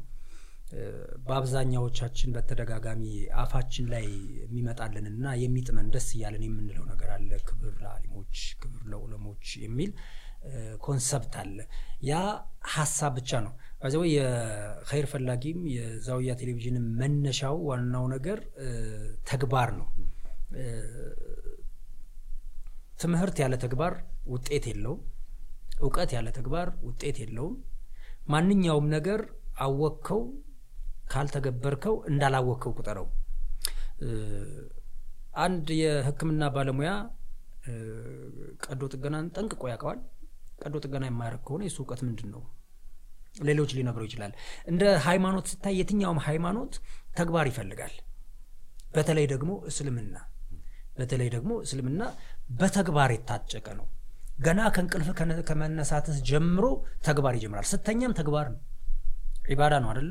መተኛት ረፍት ማድረግ ከሱ ይጀምራል። ስትነሳ በቀጥታ ወይ የገራለት ሰው ለይል ተነስቶ ይሰግዳል። ለመስገድ ምን ማድረግ አለበት? ውዱ ማድረግ አለበት። ውዱ ተግባር ነው። ውዱ ካደረገ በኋላ ነይቶ ተነስቶ ይሰግዳል። መስገድ ተግባር ነው። ይሄንን ነገር ታውቀዋለህ፣ ግን አታረገውም። ምንድን ነው ያንተ ጥቅም? እንዲሁም ትቀጣለህ። ባላወቅከው ነገር ምናልባት ላይ ቀጣ እያወቅኩ አለማድረግ ግን የሚያስቀጣ ተግባር ነው በእስልምና ሰው ተግባር የሌለው ነገር እንዳይኖር ወደ ተግባር እንሂድ የሚል ነገር ነው። ስለዚህ ይሄኛው ክብር ለአሊሞች የሚለው ቃል ነው። ብዙ ጊዜ ቃል ደግሞ በጣም ሲበዛ ማስመሰል ይሆናል። ኡለሞችን ስንመለከታቸው በኢትዮጵያ ታሪክ ውስጥ አብዛኛው ኡለሞች መጀመሪያ አሊም ያስባላቸውን እውቀት ለማግኘት የሄዱበትን ርቀት ብታየው በችግር ነው። ወደ ሀሪማዎች ልትሄድ ነው። ወደ ዛውያዎች ልትወጣ ነው። ወደ ዛውያ ወደ ሀሪማ ዝም ብሎ የሚካሄድ አይደለም። ብዙ መስዋዕትነት ይከፈላል። በባዶ እግር መሄድ፣ ቃሪያ ብሎ መለመን፣ ልትለምን ስትሄድ ውሻ የሚያባርርህ ነገር አለ። ለምነህ ስታጣ ደግሞ በባዶ ሆድ መቅራት መቻላል። ይሄ ሁሉ እውቀት ለማካበት የተከፈለ ክፍያ ነው። ያንም በሚያደርግ ጊዜ አንድ አሊም እኔ እናንተ ደግሞ ጠዋት ተነስተን መርካቶ እንገባለን፣ እንሸቅላለን፣ እንሰራለን፣ ባንካችንን እናደልባለን፣ ኪሳችንን ከፍ እናደርጋለን፣ ምናምን ምናምን። ይሄ ሁሉ step አለ በኋላ አሁን ለአቅመ አዳም ደርሻለሁ ብለህ ታስብና ገንዘብ አለ። ለአቅመ አዳም ደርሰሃል። የምትፈልጋትን ሴት ታገባለህ። ካገባህ በኋላ ትወልዳለህ። ከወለድክ በኋላ ዲን ልጅህ እንደሚያስፈልገው እንደሚያስፈልጋት ታምናለህ። ለማስተማር እንደዛ ለፍተው ከመጡት ኡለማ እግር ስር ትልካቸዋለህ። ልጆች ተምረው ሲመጡ ሁለት ብር ትሰጣቸዋለህ ለሰውየው። ይህንን በማድረግ ክብር ለኡለሞች ብያለሁ ማለት ትችላለህ ወይ ነው? fake ነው፣ ውሸት ነው፣ ማስመሰል ነው። okay እነዚህ ሰዎች ያንን መስዋዕትነት መክፈል ባይፈልጉስ ዒልሙን ለመሰብሰብ የከፈሉት መስዋዕትነት መክፈል ባይፈልጉ ኖሮ ልጅህን ተርቢያ ወይም ስነ ምግባር የት ነበር የምታስተምራት? ይሄ ዲን ምናምን ስነ ምግባሩ እኮ ለራስህ ያንተ ልጅ ያንተ ልጅ ሆና እንድትቀጥል ያንተ ልጅ ሆኖ እንዲቀጥል ስነ ምግባሩ ወሳኝ ነው። በየትኛው ስነ ምግባር ነው የትኛው ስነ ምግባር ነው ስነ ምግባር ብዙ አይነት አለ። የዱርዬውም አሰባራር እኮ ዱርዬ ስነ ምግባር ነው ስነ ምግባር ነው እሱ ራሱ። የጨዋው ሂደትም ጨዋ የሆነ ስነ ምግባር ነው። እስላማዊ ስነ ምግባር አለ፣ ክርስቲያናዊ ስነ ምግባር አለ፣ ኤቲስታዊ ስነ ምግባር አለ። የትኛውን ነው ማስተማር የምትፈልገው? በምድርም በዱንያም በአኼራም ሊጠቅመው የሚችለው ሊጠቅማት የሚችለው ለልጅህ እስላማዊ የሆነው ስነ ምግባር ነው። ያንን እስላማዊ ስነ ምግባር የሚያቅ ሰው ወይም ደግሞ መስዋዕትነቱን ከፍሎ እውቀቱን ሰብስቦ መጥቶ ያንተን ልጅ እኔን አንተን ማስተማር የሚፈልጉ ሰዎች ባይኖሩ ብለህ አስበው። ምን ያህል ጨለማ ነገር ውስጥ ነው የምንወጣው? በነገርህ ላይ እነዚህ አሊሞች ውለታቸው ለእኔና ለአንተ ወይም ለእኔና ለአንተ ልጆች ወይም ደግሞ ለሙስሊሞች ብቻ አይደለም፣ ለሀገርም ጭምር ነው። እች ሀገር ያለችው እነሱ ስላሉ ግን ደግሞ ተረስተዋል። የእነሱ ስነ ምግባር ትምህርት ባይኖር ኖሮ በጣም የጨለማ አሁን እየመጣ ያለው ነገር አሁን በፊት የማያሰጉን የነበሩ ነገሮች አሁን የሚያሰጉን ነገሮችን ማንሳት እንችላለን። ግብረ ሰዶም አያሰጋህም? አሁን በግልጽ እየተሰበከ እኔ እኮ መብቴ ነው ብሎ የሚያወራ ሰዎች ተደብቀው እንኳን ሊሰሩት የሚያሳፍረውን ነገር በይፋ ዝም ብላ የኳታሩን የዓለም ዋንጫ ብትወስደው ይህንን ነገር ካላደረግኩ ብሎ ያኮረፈ ቡድን ሀገር ታያለ። ሀገር ነው እኮ የሆነ ግለሰብ እኮ አይደለም። ሀገር ማለት እኮ በዛ ሀገር ውስጥ ያለው ህዝብ በሙሉ እየባከነ ነው፣ እየጠፋ ነው ማለት ነው። ያ የዛ ሀገር መባከን። አንዳንድ መብቶች አሉ። እኔ መብቴ ነው እንደዚህ አድርጌ አለመስገድ መብቴ ነው እንትን ማለት መብቴ ነው ምናምን ትላለ። ይሄ ሰውየውን ነው የሚያስቀጣው። okay ብትሰግድ ጥሩ ነው ይህን ምናምን ግን መብቴ ነው ሲል መብቱ አይደለም። ምክንያቱም ግብረ ሰዶም ግብረ ብቻ አይደለም አይደለም የሚያጠቃው በደረቅ አበሳ እርጥብ ይነዳል አይነት ቅጣት ይመጣል። ሶዶማውያን እንዴት ነበር የጠፉት የሚለውን ስታይ ይሄ የስነ ምግባር ልሽቀት ያመጣው ነገር ነው። ይሄዚህ የስነ ምግባር ልሽቀት ያገኛቸውን ሀገሮች ብታይ ደግሞ በአንድም ይሁን በሌላ መንገድ ከእስልምና ብዙ የራቁ ሰዎች ናቸው። ኢስላምን የሚያስተምራቸው ሰው ስለሌለ ነው። አሁን እስላማዊ ሀገሮች እዚህ ላይ ተጠያቂ ናቸው። ያን የመሰለ እውቀት ይዘው ለማድረስ ካለመፈለጋቸው እነሱን የሚያጠፋ ትውልድ ከሌላኛው ዓለም መጣ። ከሌላኛው ዓለም የመጣው እነሱን የሚያጠፋው ትውልድ የእነሱን ሀገር መጀመሪያ ሊያስጠፋው እንደሚችል ማሰብ ያስፈልጋል። ግብረ ሰዶም መብት አይደለም፣ እንደ መብት ሊከበር የሚገባ ነገር አይደለም። ግብረ ሰዶማዊ ከተገኘ በተገኘበት ሊገደል ነው የሚገባው እኮ እንግዲህ ይህ ህጉ ምን ይላል ምናምን የሚለውን ነገር በእኛ አስተሳሰብ ያንን ማድረግ ካልቻልክ ሰደድ ሰዓቱ እየበዛ እየበዛ ሄዶ ነገ normal ያልነበረበት ሀገር ላይ normal መሆን ተጀምሯል።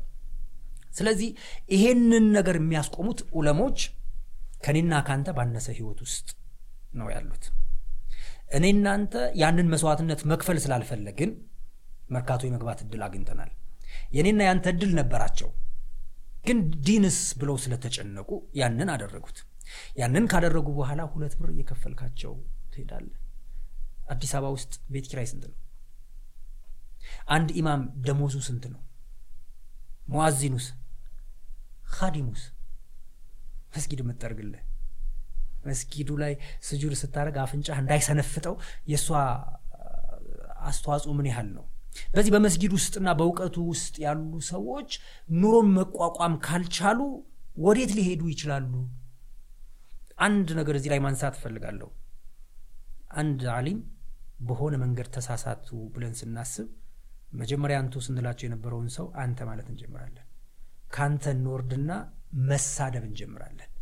መሳደብ ካለብህ ግን ራስህን ነበር መሳደብ የነበረብህ። እኒህ አሊም ስህተቱ ስህተት ከሆነ ወደዛ ስህተት ውስጥ የገቡት ለምንድን ነው? እንደ ምሳሌ የሚነሳ ነገር አለ አደለ? አምስት ሰዎች መስጊድ ገነቡ። አቡበከር፣ ዑመር፣ ዑስማን፣ አሊና ፈይሰል። መስጊዱ የተመረቀው ጁምዓ ነው። ኢማሙ ወጡ፣ ሁጥባ አደረጉ። በሁጥባው ውስጥ ያው ዱዓ ታደርጋለህ አይደለ? አራቱን አንስተው አቡበከር፣ ዑስማን፣ አሊ ምናምን ብለው ዱዓ አደረጉና ወረዱ። አቶ ፈይሰል አበደ። ሰላት አይበሉት የሰገደውን ሰላት ቆሞ እንዴት ኔ ስም ከግማሽ በላይ ያወጣሁት እኔ እንዴት ኔ ስም ሳይጠራ እያለ ሲያብሰለስል ቆይቶ መጨረሻ ካሰላመተ በኋላ ጠራውና ስማ ይሄ መስጊድ እኮ ሲሰራ አራቱ እኔ ያወጣሁትን ያህል አላወጡም። አብዛኛውን እኔ የእነሱን ስም ጠርተህ እንዴት የኔን ስም ሳትጠራ አለው። አፉ በሉኝ በሚቀጥለው እጠራለሁ ምክንያቱም ይሄ ዑለማ እዛ አባራሃለሁ ስላሉት ነው። ከተባረረ የሚራቡ ጉሮሮዎች አሉ። ከተባረረ መድኃኒት የሚገዛላት ባለቤቱን መድኃኒት መግዛት ላይ ይችል ነው። ጨነቀው። ትክክል ነው ትክክል አይደለም፣ እሱን በቦታው ላይ ሆነህ ወስን፣ አትፍረድ አንተ። ስለዚህ በሚቀጥለው ጁማ ወፈይሰል የሚል ጨመረ። አራቱን ጠራና ፈይሰል ብሎ የማን ነው ጥፋት? እሱ ነው መወቀስ ያለበት ወይስ ማህበረሰቡ? ተመልከት፣ እውቀቱን ፈልጎ ይሄዳል። ኢማምነቱን ፈልጎ ከኋላ ተከትሎት ይሰግዳል። ግን እሱ የጣፈጠ እየበላ ዑለማችን፣ አሊማችን፣ ኢማማችን በልቷል አልበላም ብሎ የጠየቀ ማህበረሰብ የለም። ስለዚህ ተጠያቂው ማህበረሰቡ ነው። ስለዚህ እነዚህ ዑለሞች ምሳሌ የሆነ የአህባሽ እንቅስቃሴ መጣ ተባለ፣ የሆነ እንደዚህ አይነት ትግል መጣ፣ እንደዚህ የሆነ ነገር መጣ ምናም ምናም ይሄ ሁሉ ሲመጣ ትልቁ ሚና ሮሉን ይጫወቱት የነበሩት ዑለሞች ናቸው። እኔ እናንተማ ምኑን አውቀን ነው ነው አላህ ከአርሽ በላይ ነው ከአርሽ በታች ነው እኮ እናንተ መነጋገር አንችልም። እነሱ ናቸው። ይህንን የሚያደርጉበት ምክንያት እያወቁም ሊያጠፉ የሚችሉበት ምክንያት ችግር ነው። እያወቁ እንዴት ያጠፋሉ እነሱ እኮ ናቸው ምናምን እሱን ቦታው ላይ ሁንና ሞክረው አትፍረድ መጀመሪያ ያንተን ኃላፊነት ተወጣ። ስለዚህ አሁን አዲስ አበባ ውስጥ አንድ አሊም አለ አንድ ኢማም አለ ከተባለ በዋናነት ሊቸገር የሚችለው የቤት ኪራይ ነው። ተከራይቶ እየኖረ ከሆነ ከአምስት ሺህ ብር ባነሰ ደሞዝ የሰባት ሺህ ብር ቤት ተከራይቶ ያውም እዚህ ግባ የማይባል ይኖራል። negative ሁለት ሺህ በል ከዚያ ልጆች አሉት ትምህርት ቤት ምናምን ምናምን ስትል negative እንደገና አምስት ሺህ ብር በል ህክምና ቢመጣ ሌላ ነገር አስፈልጎት ቢመጣ negative 15 ሺህ ብር ውስጥ በ negative 15 ሺህ እየኖረ ግን አንተ ልጅህን አላቀራም። አለማለቱ አይገርምህም? ኖ በቃኝ እኔ ንግድ ውስጥ መግባት አለብኝ። አለማለቱ አይገርምህም? ከዚህ በላይ ውለት አለ ወይ ነው? ስለዚህ ይሄ ነገር ገፍቶ ገፍቶ እንዲሁም ከዚህ በኋላ አላስተምርም የሚል ዑለማ ሳይፈጠር በፊት የሆነ ነገር መፈጠር አለበት። ሰው የመጀመሪያው ምን እናድርግ ስንል ያሰብነው ወደ አይምሯችን የመጣው ከኪራይ የሚያስወጣ የመጀመሪያ ሀያ ዑለሞችን ከኪራይ የሚያስወጣ አንድ ፕሮጀክት እንደፍ ነው ይህም ባለ አራት ፎቅ አራት መቶ ካሬ ላይ የሚያርፍ ህንፃ እንገነባለን። በእያንዳንዱ floor አምስት አምስት ዑለሞች ባለ ስልሳ ሁለት ወይም ስልሳ ስድስት ካሬ ሁለት መኝታ ቤት ይኖራቸዋል። ምድሩ ሀያ ሱቆች ይኖሩታል። አሁን የፈለግነው ነገር ምንድነው? ተጨማሪ ገቢ የሚያስፈልጋቸዋል። ከቤት ኪራይ ተገላግለዋል። እንደገና ደግሞ ተጨማሪ ገቢ ልጅ ካላቸው ራሳቸው ሊሰሩበት ከሌላቸው አከራይተው የሚያገኙበት ብናደርግላቸው በኮንፊደንስ አሁን የቅድሙን ሰው እያምጣው። ቤት አለው የገቢ ምንጭ አለው።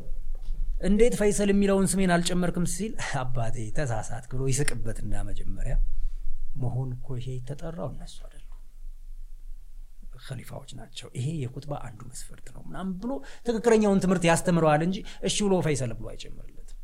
አይቸገርም ዑለሞች መቸገር የለባቸውም። በስቴፕ ደግሞ ከዚያ በኋላ ቤት ያላቸው የገቢ ምንጫቸው የሚሻሻልበትን የሆነ ነገር የሚያቅር ነው። ዳሩል ኸይር ወደ ተግባር እንምጣ። አንዱ ስራችን ይሄኛው ነው። በጣም ግሩም ነው። ማለት በተግባር የዑለማዎች እንግዲህ በእንደዚህ በቤት ችግር ከዛም ደግሞ ዘላቂ የሆነ የሆድ ጥያቄም ጭምር መመለስ የሚችል ኑሮ ምንለው ከዛም ባሻገር ሆኖ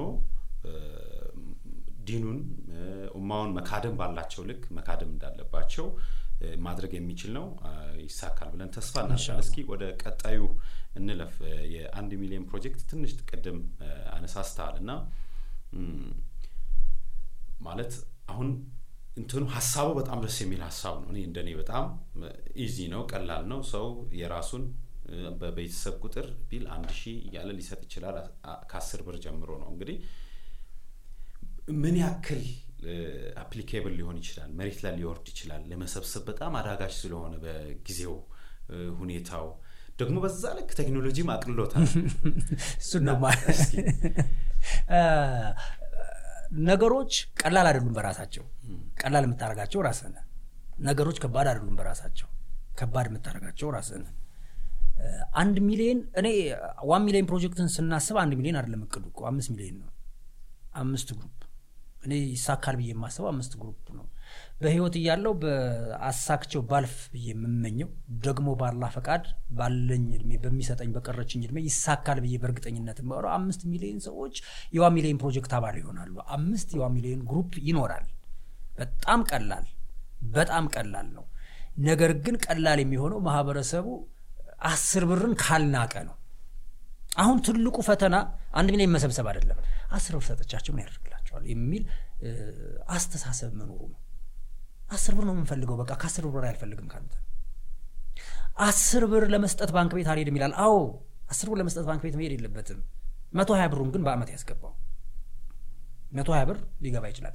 ሁለተኛ መቶ ሀያ ብርም ትንሽ ነው ካለ በአስር ሰው ይመዝገብና አንድ ሺ ሁለት መቶ ብር ባንክ ያስገባል። በአስር ብር ሲመዘገብ በአስር ሰዎች ሲመዘገብ በነገር ላይ አባላት ስንመዘግብ ለምሳሌ እኔ ባለቤት ያለች አንድ ልጅ አለኝ እኔ ያለው ሶስት አይደል በሀያት የሌለ አባት ያለ በጣም መወደው አሁን ላረግለት የምችለው ነገር እንደ ልጅ በህይወት እያለው የእሱን አጅር ከፍ ሊያደርግለት ነገር ልስራ ካልኩኝ በስሙ ሰደቃ ማድረግ ነው። በአባቴ ስም እገባለሁ። በጣም መወዳት እናቴ በሀያት አለች። አላህ ያቆያት። በእሷ ስም እገባለሁ። እህቶች ያሉ ምናምን አድርጌ አስር ሰው ሞላሁኝ 1200 ብር እንትን ይላል። ይሄንን ወደ በር ባንክ መሄድ እችላለሁ። ቴክኖሎጂው ደግሞ አሁን account ም ከፍተናል። በዚህ በኸይር ፈላጊ ወጪ ገቢው በሚገባ ቁጥጥር የሚደረግበት ኦዲት የሚደረግ ድርጅት ነው። ድርጅት ሆኖ ስለተመሰረተ ማለት ነው። ሀያ ሰላሳ የሚል account ከፍተናል። በአብዛኛው ባንኮች ለምሳሌ ሂጅራ ባንክ ሀያ ሰላሳ ነው። ዳሽን ባንክ ሀያ ሰላሳ ነው። አዋሽ ባንክ ሀያ ሰላሳ ነው። ኦሮሚያ ህብረት ስራ ባንክ ብቻ ፊደል መጨመር ግዴታቸው ስለሆነ K የእንግሊዝኛው ፊደል K የሆነና ሀያ ሰላሳ ነው። ህብረት ባንክ ሀያ ሰላሳ ነው። ሌሎች ባንኮችን process እያደረግን ነው። ዘምዘምን ባንክ ጨምሮ በሀያ ሰላሳ እንዲሰጥ ሰው ስልክህ ላይ ቁጭ ብለህ መላክ ትችላለህ። አሁን ይሄንን ነገር በብዙ ሰው የሚሰራ ነው። call center ይኖረዋል። ኸይር ፈላጊ የራሱ የማስታወሻ የሚላክ አጭር ስልኮች አሁን ከቴሌ ጋር እየተነጋገርን ነው።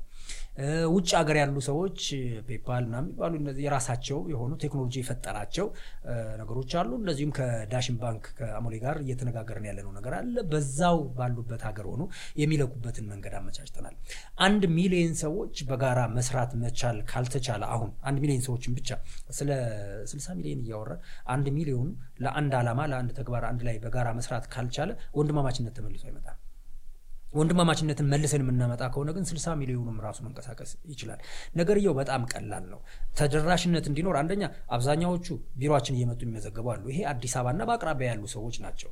ያ ነገር ግን ካልተቻለ ብሎ ቴክኖሎጂውን በመጠቀም ሊንክ ተዘጋጅቷል የመመዝገቢያ link ሊንኩን ስትከፍተው ስምህን ይጠይቃል። ራሱ ነው የሚጠይቅህ። የሚጠይቅህን ትሞላለታለህ። አስገባ ስትለው ገብተሃል። ይሄኛው በጣም በቀላሉ የሚሰራ ነው። ዋናው ነገር ለምንድን ነው አስር ብር የማወጣው ብሎ መጠየቅ ነው አስፈላጊው ነገር። አስር ብር ትንሽ ናት እንደፈለገ ያድርገው ብለህ የምትለቀው አይደለም። አስር ብር በአንድ ሚሊዮን መቶ ሀያ ሚሊዮን ብር ነው በአመት የሚመጣው።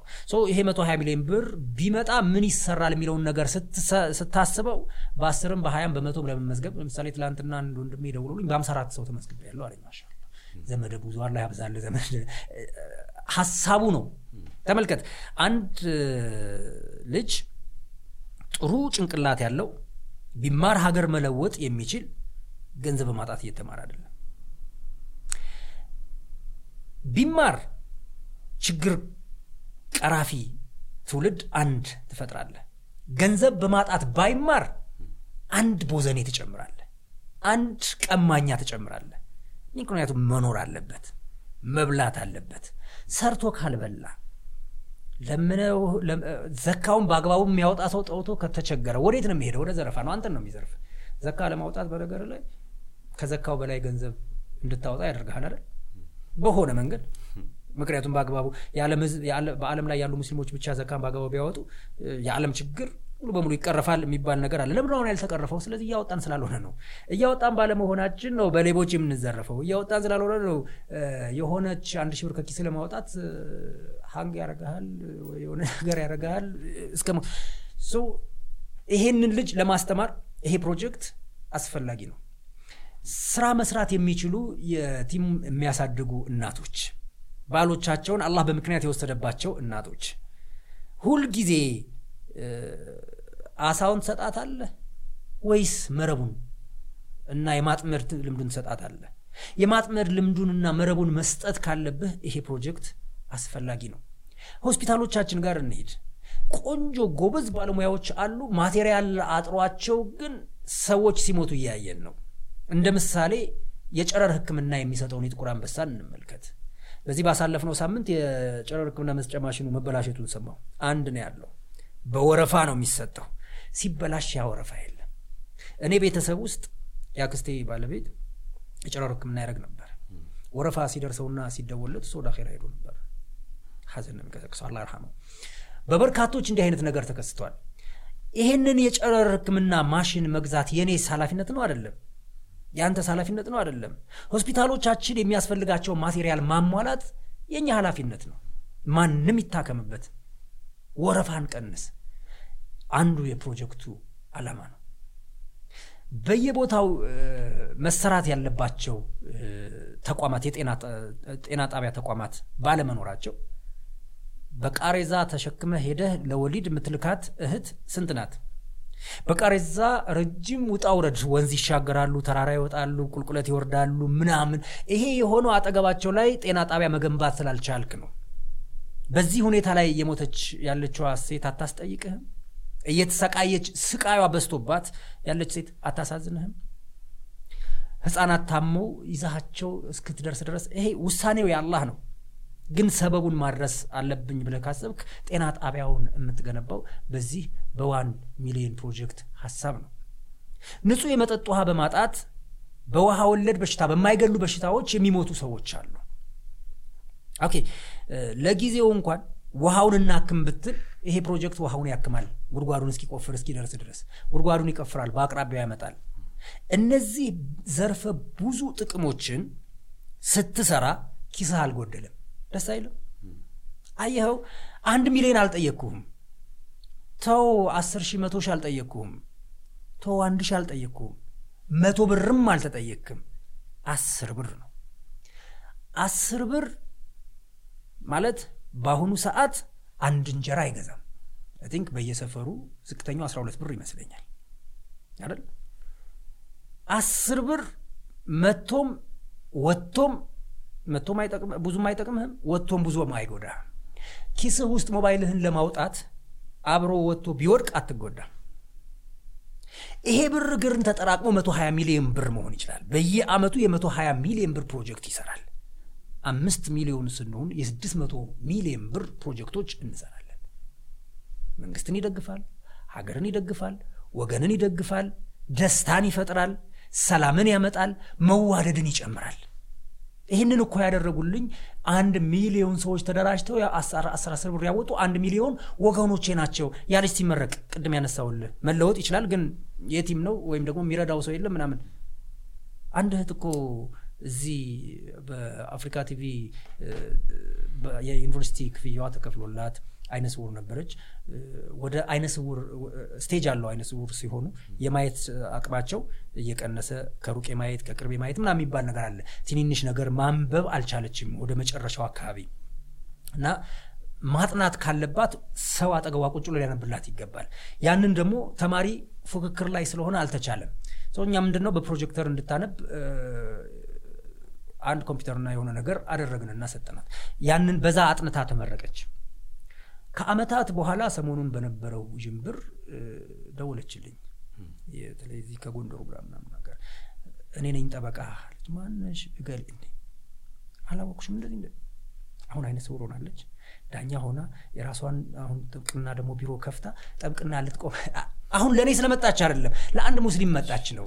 ለዲኑ አይደለም የመጣችው ለሆነ ሙስሊም ይሄ የተለያዩ የመንግስት ሴክተር መስሪያ ቤቶች እኮ እንደዚህ አይነት ሰዎች በማጣት ከህግ ውጭ በሆኑ መንገድ እየተሰሩ ነው። ለምሳሌ የግብር ተመን፣ ታክስ ተመን በተለይ ወደ አማራ ክልል በተለይ ወደ ጎንደር ብትሄድ የምትመለከተው ነገር ይሄ ነው። ከባድ ነው። አንድ ሺህ ብር በአመት ግብር መክፈል ያለበት ሰው እስከ መቶ ሺህ ብር እየተባለ ሀገር ለቆ እየመጣ ነው። አዲስ አበባ አንዳንድ አካባቢ ብትሄድ አብዛኛው እዛ አካባቢ አገር ለቆ ተስፋ ቆርጦ ይሄንን አስተምረን ሰዎችን ወደዛ ማምጣት ስላልቻልን ነው። ቶ እሱን እሱንም አይርዳ፣ ግን ራሱን ይርዳ። አንድ ሰው ራሱን ተምሮ ራሱን ከረዳ ከችግር ከተረጅነት ከወጣ ትልቅ ነገር ነው። መቶ ሰው አንድ ሺህ ሰው ሁለት ሺህ ሰው ስታረገውስ ሀገር እየለወጥክ ነው። ስለዚህ ሀገርን ወገንን ይጠቅማል፣ ፍቅርን ይጨምራል። One million ያጣነውን ወንድማማችነት ያመጣልናል ማለት ነው። በጣም እውነት ለመናገር ግሩም ነው። ምክንያቱም አስር ብር ለሚሊዮኖች ሚሊዮኖች ደግሞ በአስር ብር ሲረዱ በጣም ቀላል ነገር አይደለም። እንዲህ አይነት የፈጠራ ሀሳቦችንም በጣም ይጠይቃል ለሰው ለመርዳት እና ከዛ አንጻር ጥሩ ሀሳቦች ነው እያነሳልኝ ያለኸው። ከምትሰሯቸው ስራዎች መካከል እንግዲህ በበርካቶች ከተማ ላይ ያለን ሰዎች ንጹህ ነው አደለ እዚህ ጋር የምንጠጣው በቀላሉ የምታገኘው ያውም ተገዝቶ ተጨምሮልን ምናምን ነው። በጣም የቧንቧውም ውሃ እንኳን እዚህ ንጹህ ነው አደለ። ግን ከዛ ባሻገር በብዙ አይነት ሁኔታ እኔ ምናልባትም ክፍለ ሀገር ገጠራማ አካባቢ ተወልጄ ነው ያደግኩት የተማርኩት። እዚህ እስከምመጣ ድረስ ዩኒቨርሲቲ በእንደዛ አይነት ህይወት ውስጥ የሚያሳልፉ ሰዎችን ለማየት በጣም ቅርብ ነኝ እና የሆነ ጊዜ ይህንን ፕሮግራም launch ስታደርጉት የቀረበውን presentation እያየሁ እምባዬ ነበር የመጣው። በጣም በቅርብ ስለማቀው እንዲህ ያሉ ውሃዎችን የሚጠጡ ሰዎች አሉ ወይ ብሎ ሰው ከተማ ሊጠይቅ ይችላል። ግን ከምር አሉ። ከዛ የባሰ ውሃ እኔ ጠጥቼ አውቃለሁ። በአካባቢያችን እንደዛ ውሃው ስለሆነ ምንም አያደርግም። ምንም ማድረግም ስለማችል አለመጠጣት ስለማይቻል አይቻልም። ስለዚህ ያንን ህይወት ወይም አይቼዋለሁ እና ኸይር ውሃ ሲመጣ ይሄን ብቻ ሳይሆን መስጠት የምፈልገው ይሄን በቀላል መልኩ መስጠት ፈልጋለሁ በሚል ሀሳብ ነው የመጣው። እሱን እስኪ አውራኝ። በነገር ላይ አሁን እንዳልከው የውሃን ጉዳይ የከተማ ሰው አይረዳውም። ቅድም የምንጠጣው ውሃ አልከኝ፣ ይሄ ንጹህ ውሃ። ይህንን ንጹህ ውሃ መጸዳጃ ቤታችንን ለማጽዳት አንድ ባልዲ ውሃ የምንደፋ ሰዎች ነን። ፍላሽ ስታደርግ እንዲሁም አሁን ዘመናዊ የሆኑ መጸዳጃ ቤት መቀመጫዎች ሁለት በተን አላቸው። ውሃ ነገር ከሆነ የተጠቀምከው ትንሿን ትነካለ፣ ያኛውም ደግሞ ትልቁን ትነካለህ የሚል ውሃ ለመቆጠብ ታስቦ የመጣ ነው ስላለ አዎ ግን የሚደፋውን ውሃ የሚያጠራቅመውን ታንከር ማጠራቀሚያውን አይተዋል። አንድ ባልዲ ወይም ከአንድ ባልዲ በላይ ነው። ያ ደግሞ በጣም ንጹህ ውሃ ነው፣ የታከመ ውሃ። ልብስ አጥበን የምንደፋው ውሃ እንኳን ቢሆን okay አይደለም። ልብስ አጥበን የምንደፋው ውሃ አሁን አብዛኛው መጸዳጃ ቤቶች ወደ መኖሪያ ቤት ውስጥ ገብተዋል። ዘመናዊነት የፈጠረው ነገር ነው። ያ ውሃ ሽታ ሊፈጥርብኝ ይችላል። ስለዚህ ንጹህ ውሃ ነው የምደፋው። ወይም ደግሞ ይሄ ውሃ ጨዋማ ነው ለእንደዚህ አይነት አገልግሎት እንጂ ለመጠጥ አይሆንም የሚባል ውሃም አይደለም የምንደፋው። በረጅም ጊዜ በዝናብ ተጠራቅሞ ግድብ ተሰርቶ ከዛ ግድቡ ላይ ታክሞ የሆነ ክፍያው ትንሽ ስለሆነ በቧንቧ የሚመጣልኝን ንጹህ ውሃ ነው ወደዛ ምደፋው። ስለዚህ እንዴት ነው የውሃ ችግር ሊገባኝ የሚችለው? ግን አንተ የመጣህበት አካባቢ ያንን ነገር እንድትረዱ አድርገዋል። የከተማ ሰው ከዚህ አንጻር እንዲያዩ ነው የምንፈልገው። ምናልባት እዛ picture ኦቹ ላይ አይተህ ከሆነ በሃይላንድ ዕቃ የያዙት color ኡ ወደ ጠላ color እንኳን የሄደ አይተኸዋል። የጎርፍ ውሃ እንኳንስ ልትጠጣው ይቅርና ልብስን ቢነካብህ ተነጅሻለሁ ብለህ የምታስበው አይነት የምትጠየፈው በእጅህ የማትነካው የማትታጠብበት የማትታጠብበት አይደለም የማትነካውን ውሃ የሚጠጣ ማህበረሰብ ብዙ ነው። ውሃ መጠጣት አለመጠጣት ስለማይቻል ስለዚህ የውሃ ችግር ብዙ አለ። ይህንን ውሃ የሚጠጡ ሰዎች እንደሚታመሙ ያውቁታል። ሆድ ቁርጠት ሊይዛቸው እንደሚችል ያውቃል። ከዚያም አልፎ ያንን ውሃ በተደጋጋሚ በጠጡት ሰዓት በጊዜ ሂደት እንደሚገላቸውም ያውቃሉ፣ ግን ይጠጡታል። አሁንም ልብ ማለት ያለብህ ውሃ አለመጠጣት ስለማይቻል ነው። ውሃን እንዲያመጣላቸው ከቤተሰብ አባል የሚፈረድበት አካል አለ። በአብዛኛው ሴቶች ናቸው። ውሃ እኮ የጉልበት ስራ ነው። ግን በገጠሩ አስተሳሰብ ውሃ ማምጣት የሴት ልጅ ስራ ሆኗል። የማጀት ስራ የሚባል አይነት ነገር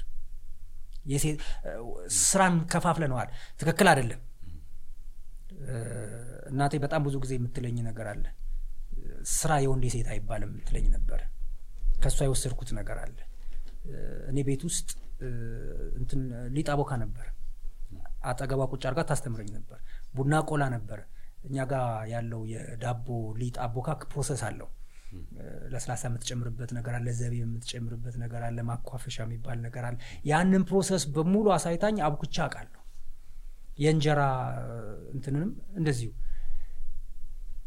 መሆን ያለበት እሱ ነው። ያ ደግሞ ገጠሩ ላይ ያኛው አስተሳሰብ የለም። ስለዚህ ለውሃ ለማምጣት ለሴት ልጅ ተሰጥቷል። የምታመጣው በትንሹ ሀያ ሊትር የሚይዝ ጀሪካን ነው። ከዚያ በታች ለማምጣት ያን ያህል አያዋጣም። ያችን ሀያ ሊትር እንትን ለሁለት ቀን ለሶስት ቀን ሊጠቀሟት ይችላሉ ለሚጠጣ ሀያ ሊትር ወደ ሀያ ኪሎ ምናምን ከዚያ በላይ የሆነን ነገር መሸከም እንዳለ ሆኖ መሸከም የማን ስራ መሆን ነበረበት? እንደ ጉልበት ከሆነ የወንድ ነበር መሆን የነበረበት፣ ግን ደግሞ ለሴቷ ተሰጥቷል። ከዛ ደግሞ ረጅም ኪሎ ሜትር ትሄዳለች። ሁለት ብል ረጅም ኪሎ ሜትር ደርሶ መልስ ስታደረገው ሁለት እጥፍ ነው። ለምሳሌ አስር ኪሎ ሜትር የሚሄዱ ሰዎች ደርሶ መልስ ሀያ ኪሎ ሜትር ይሆንባቸዋል። ከዚያ ደግሞ ወረፋ አለ። አንድ ምንጭ ናት። ሳይደርፈርስ ለመቅዳት ከብቶች ሳይገቡ እኛ ለመቅዳት በሚል ሌሊት መነሳት ደግሞ አለ። ሌሊት ስትነሳ አውሬ አለ። አሁን ሶስተኛ ሌላ step ከአውሬው ደግሞ አልፎ የእንስሳ ባህሪ የተሰጣቸው ወንዶች ደግሞ አሉ። አስገድደው የሚደፍሩ ወይ ደግሞ ለዘረፋ የሚወጡ ይህንን ሁሉ መከራ አይታ ነው የምትሄደው። አንድ የመጠጥ ውሃ ወደዛ አካባቢ ስትቆፍር አራት አምስት ችግሮችን ነው በአንድ ጊዜ የምትቀርፈው። ህይወት ታድናለህ፣ ጊዜ ትቆጥባለህ፣ ከመደፈር ትጠብቃል። ደፋሪውንም እኮ ነው የጠበቅከው ወንጀል ከመስራት already ተደፋሪዋ ብቻ አይደለች። ይሄንን ሁሉ ነው የሚሰራ። ስለዚህ ምን መሆን አለበት? ውሃ በየአካባቢው መቆፈር አለበት። okay ውሃ በየአካባቢውን ቆፍር ካልን የውሃ የቁፋሮ ሂደት ውድ ነው። እንዴት አድርገን ነው ለዚህ ሁሉ ሰው ልናደርስ የምንችለው? ንጹህ የመጠጥ ውሃ በሀገራችን ኢትዮጵያ ምን ያህሉ percent ነው እየጠጣ ያለው? ስለዚህ አብዛኛው percent የተበከለ ውሃ ነው እየጠጣ ያለው። ለአብዛኛው percent እንዴት አድርገን ነው መድረስ የምንችለው? በመጀመሪያ ደረጃ እኔ ብቻ አይደለሁም ይሄንን የምሰራው። ማሰብ ያለብህ እሱ ነው። እኔ የኔን ኃላፊነት ብቻ ነው የምወጣ። አንተ የራስህን ኃላፊነት ተወጣ። እኔ አስር ጉድጓድ ከቆፈርኩኝ ትልቅ ነው። አንድ ጉድጓድ ከቆፈርኩኝ ትልቅ ነው። okay አስርም አንድም ጉድጓድ ልቆፍር ከተባለ አሁን በሜትር ምን ያህል እየተቆፈረ ነው?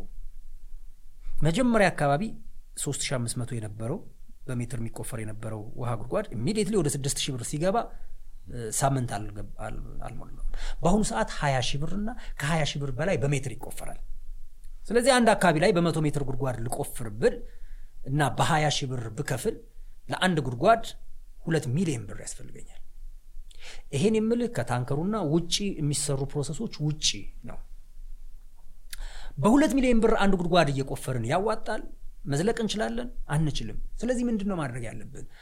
search ሳደርግ የውሃ ጉድጓድ መቆፈሪያ ማሽኑ የሚሸጥ የቻይና company አየሁኝ 150 ሜትር፣ 200 ሜትር፣ 100 ሜትር ደረጃም ስላለው ነው ይሄንን የምትለኝ። አዎ ይሄ የብሩንም መጠን ከፍ ስታደርግ እኔ ከዚህ ቀደም ከአንተም ስለሰማው የውሃ ጉድጓዶቹ በአጭር ተቆፍረው እድሜያቸውም እንደዛ ልክ ነው የሚሆኑት። ስታንዳርዱ ምን መሰለህ፣ ውሃ በባህሪው ወደ ታች እንጂ ወደ ላይ አይመጣም።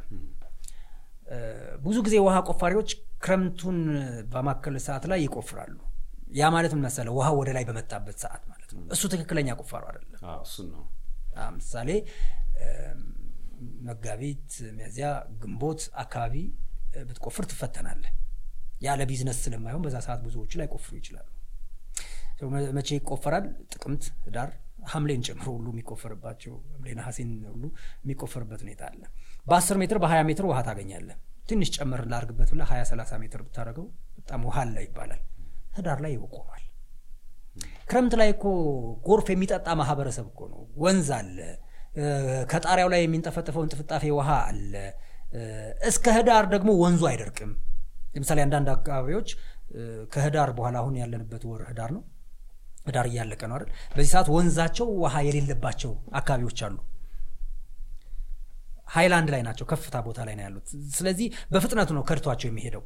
ስለዚህ ወንዙን ይከተሉታል። ወንዙ በኪሎ ሜትሮች ርቆ የሆነ ቦታ ዝቅታ ቦታ ላይ ተሰብስቦ ይጠብቃል። እዛ ሄደው ነው የሚያመጡት። የታቆረ ውሃ ነው። ተመልከት፣ ረጅም ጊዜ የቆየ ውሃ ነው። እንደገና ረጅም መንገድ ነው የሄዱት። ስለዚህ ለእነዚህ ሰዎች በአካባቢያቸው ትቆፍራለህ። ስትቆፍር ጠለቅ አርገህ ብትቆፍረው የተሻለ ይሆናል። ጠለቅ አርገህ ስትቆፍረው ለምሳሌ ሚያዚያ፣ ግንቦት አካባቢ የካቲት፣ መጋቢት፣ ሚያዚያ፣ ግንቦት፣ ሰኔ ላይ ውሃ ካለ already ሰኔ ዝናብ ይጀምራል። በደንብም ከፍ ብሎ ነው የሚመጣው። እንዲህ በእጅ ሁሉ ልጠልቀው የምትችለው አይነት ውሃ ነው የሚሆነው፣ በርሚል የሞላ በለው። ስለዚህ በዛ ሰዓት ነው ጠለቅ አድርገን የምንቆፍርበት ምክንያት ለዛ ነው። ለዚህ ነው መቶ ሜትር ብለን ስናስበው ሁለት ሚሊዮን ብር የሚያስከፍልህ ከሆነ ማሽኑ እኛ ያየንበት ሰዓት ከኮቪድ በፊት ነበረ አስር ሺህ ዶላር ያን ጊዜ አርባ አምስት ብር አካባቢ አርባ አምስት ብር ሰላሳ ምናምን ብር በአርባ አምስት ብር እንኳን አራት መቶ ሀምሳ ሺህ ብር በዛ ሰዓት እኛ ማሽኑን check ባረኩበት ጊዜ መቆፈሪያ በሜትር ስድስት ሺህ ብር ነበረ። ለአንድ መቶ ሜትር ጉድጓድ ስድስት መቶ ሺህ ብር ነው የምትከፍለው። አንድ ማሽን ለማምጣት ግን አራት መቶ ሀምሳ ሺህ ብር ነው የምትከፍለው። ተመልሰን ብንመጣ ይቻላል ይመስለኛል በደንብ ለማብራራት ከመሸጋገሪያ በኋላ ተመልሰን እንመጣለን። አዲስ ጣዕም አሁንም ይቀጥላል። አብረን ነው አዲስ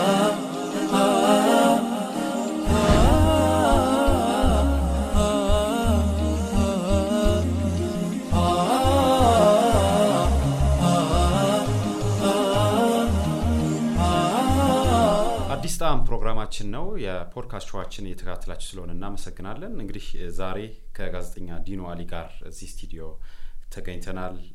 አዲስ ለተቀላቀላችሁን ስለ ኸይር ስራ እያወራን ነው። ኸይር ፈላጊ በአዲስ መልክ ይዞ የመጣቸው ፕሮጀክቶችና ሀሳቦች ምንድን ናቸው? የእኛስ አስተዋጽኦ ምን መሆን አለበት የሚለውን ለማመልከት ነው ዛሬ ይሄ ፕሮግራም የተዘጋጀው እና ዲኑ እንቀጥል እስኪ ስለ ውሃው ወይም ኸይር ውሃ ፕሮጀክት እያወራኝ ነው በመሀል የተሸጋገር መልካም እንግዲህ ያው እንዳልኩ ማሽኑን ስናጠና አስር ሺህ ዶላር አካባቢ መቶ ሜትር የሚቆፍር አለ አሉ። የአራት መቶ ሀምሳ ሺህ ብር ማለት ነው። አንድ ፕሮግራም ሰራን እና አንድ አንድ ሺህ ብር የሚያወጣው ያው ቅድም ባልኩ መሰረት ነው። አራት መቶ ሀምሳ ሰዎች ይህንን ችግር ይቀርፈዋል የሚል ጥሪ ይጠራል በርካቶች ወደኛ መምጣት ጀመሩ። እንደ ጀመሩ አካባቢ ኮቪድ ተከሰተ ቆመ ማለት ነው። ኮቪድ ሲከሰት ቻይና ተዘግቷል። ማሽኑን ለማምጣት ቻይና መሄድ አስፈላጊ ነው። ያኛው ሲሆን በቃ ይቆይ ብለን በሂደር ያዝ ነው የተወሰኑ የመጡ ነገሮች ነበሩ። በእጅም የሚቆፈር በምናምን አድርገን ጉድጓዶች የተወሰኑ አስቆፈርን እጃችን ላይ እንዳይቀመጥ በሚል። በኋላ ላይ አንድ ሰው ደወለልኝ። አላቀውም አያቀኝም ግን account ኤን ጠይቆ ስልክ ቁጥሬን አጠያይቆ በ account ኤ ሰባት መቶ ሺህ ብር almost ሰባት መቶ ሀምሳ ሰባት መቶ ሺህ እንደዛ አካባቢ ረሳሁት። አስገብቻለሁ። ለምን? አይ ከዚህ ቀደም እንደዚህ እንደዚህ ስትል ሰምቻለሁ ያኔ አጥቼ ቢሆን አራት መቶ ሀምሳ ሺህ ብር። አሁን ግን ያው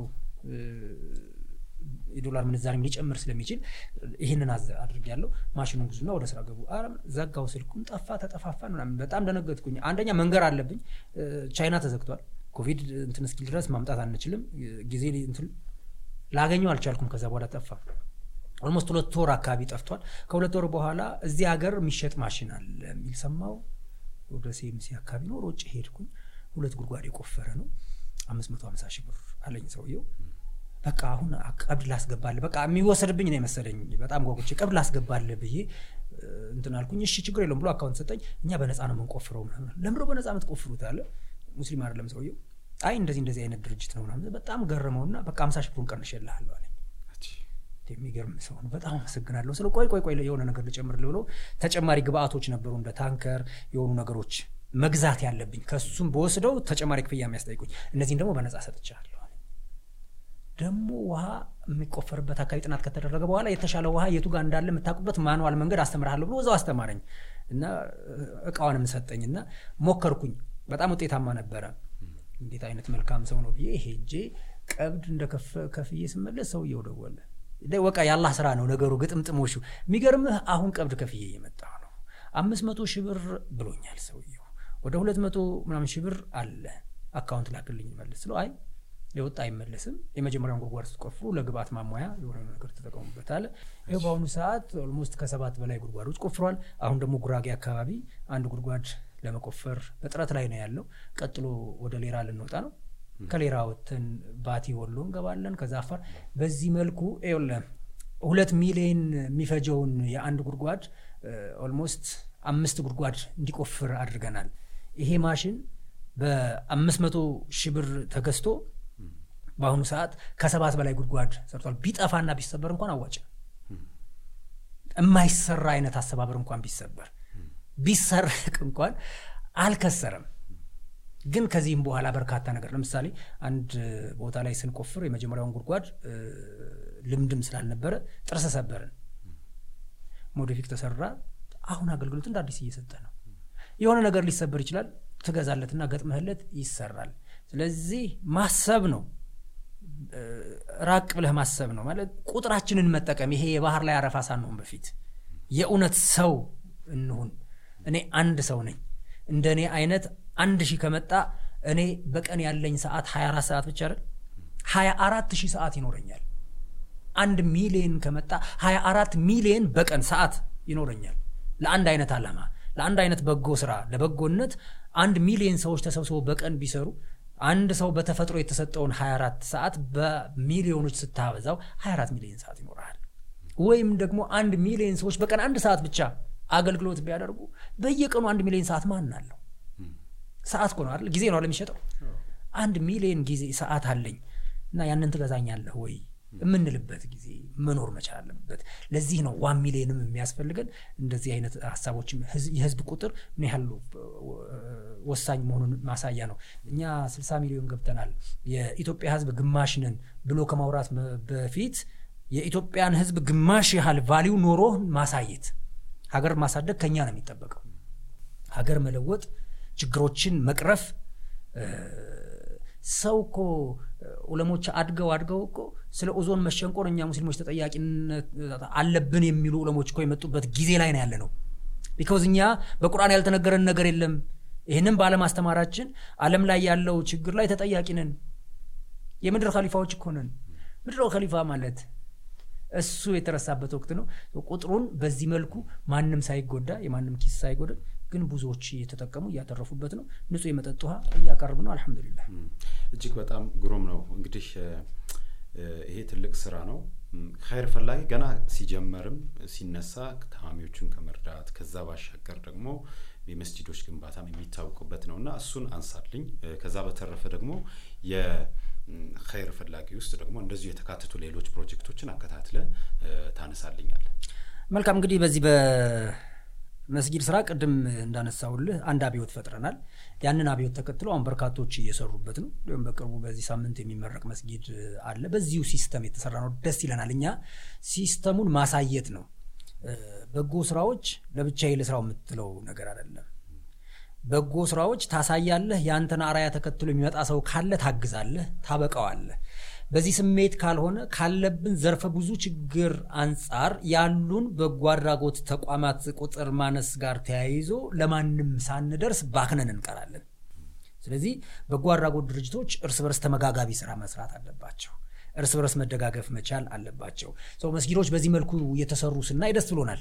አሁን ውጭ ሀገር ሰው የሚፈልግ ሰው የለም። ከውጭ መጥተው መስጊድ ልስራ ብለው እስካልጠየቁ ድረስ ሄዶ የሚጠይቃቸው ሰው የለም አሁን ይሄን ነው እኛ የምንፈልገው መጥተው ግን ሲጠይቁ ይሄው እዚህ ቦታ ላይ ያለ ሙሉ መረጃ ትሰጣቸዋለህ ትከታተልላቸዋለህ።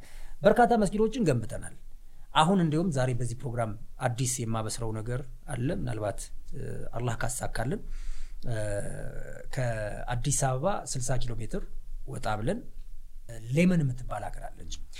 ወደዚህ እቺ ሀገር ወደ ወራቤ ወደ ሲልጤ አካባቢ የሚሄድ ሰው ረግጧት የሚያልፍ ሀገር ናት ወደ ወራቤ የሚሄድ ማህበረሰብ ደግሞ ከዘጠና ፐርሰንት በላይ ሙስሊም ነው ወደ ሀላባ የሚሄዱ ሰዎች ረግጠዋት የሚያልፉ ሰዎች አገር ናት። ወደ ቡታጅራ የሚሄድ ሰው ረግጠዋት የሚያልፉት ሀገር። እነዚህ አሁን ምጠራልህ ሀገራት በአብዛኛው ቁጥራቸው ሙስሊም የሆኑ ማህበረሰብ ነው። ጉዞ በሚያደርጉበት ሰዓት የሰላት ሰዓት ይደርስባቸዋል። በእርግጠኝነት በጣም ብዙ ወደዚህ የተጓዙ ሰዎች ሌመን ላይ ሲደርሱ ዙሁር ደርሶባቸዋል ወይ አስር ደርሶባቸዋል ወይ መግሪብ ደርሶባቸዋል ወይ ሱቢ ደርሶባቸዋል ወይ ኢሻ ደርሶባቸዋል። መስገጃ ቦታ የለም። ወይ ተጓዥነንና ከንትን ሰላት ጋር አጣብቀን እንሰግደዋለን ብለው ረግጠው አልፈዋታል። ወይ ደግሞ በማይመጥን ደረጃ አስፓልት ላይ ሰግደው አልፈዋታል። ሰዎች መስጊድ የሌለው ሀገር ሲሉ ወደ አይምሯቸው የሚመጣው አክሱም ብቻ ነው። አይደለም። ሌመን ሌመን ከአዲስ አበባ 60 ኪሎ ሜትር ኦሮሚያ። ይህንን ሰምተን የዛሬ ሁለት ዓመት አካባቢ ሄደን ጎበኝን። አንድ ኸይረኛ ሰው ቤታቸውን ሰጥተው ያሰግዱባት ነበረ። እንዲሁም ተዘግታለች። ሳር በቅሎባታል። ሳሯን እንደዚህ ገፋፍተን የገባ ነው በጣም ምን ገረመኝ? መስጊዷ ውስጥ ስንገባ ከተማው ላይ ያሉ ሙስሊሞች ተብሎ ስም ዝርዝር የተጻፈበት ወረቀት አገኘን። ስልከም አላቸው እንዴት አይነት ጎበዞች ናቸው ብለን እዛው ረመዳን ነው መደወል ጀመርን። መጡ። እኛ መስጊድ እንፈልጋለን ግን ደግሞ አቅም የለንም።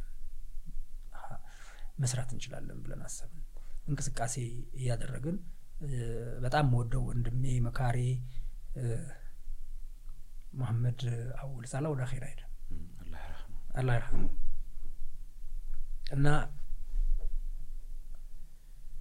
መሐመድ ምናልባት ብዙ ሰዎች የሚያስታውሱት ጊዜ አለቤ ሾው ላይ በነበረው ፕሮግራሙ በሙዚቃው ዓለም እያለ ምን መሆን ምን ማድረግ ትፈልጋለህ? ሲለው የተናገረው ነገር ነበረ ከተሳካልኝ የመስጊድ መስራት ነው የምፈልገው። ደግሞ መስጊድ እሰራለሁ በህይወት እያለሁ የሚል ምላሽ የሰጠ የተውበት ተምሳሌት የሆነ እኔ በአይኔ ያየሁትን ነው የምናገረው። አላህ ተውበቱን ይቀበለው። ወንድም ነው።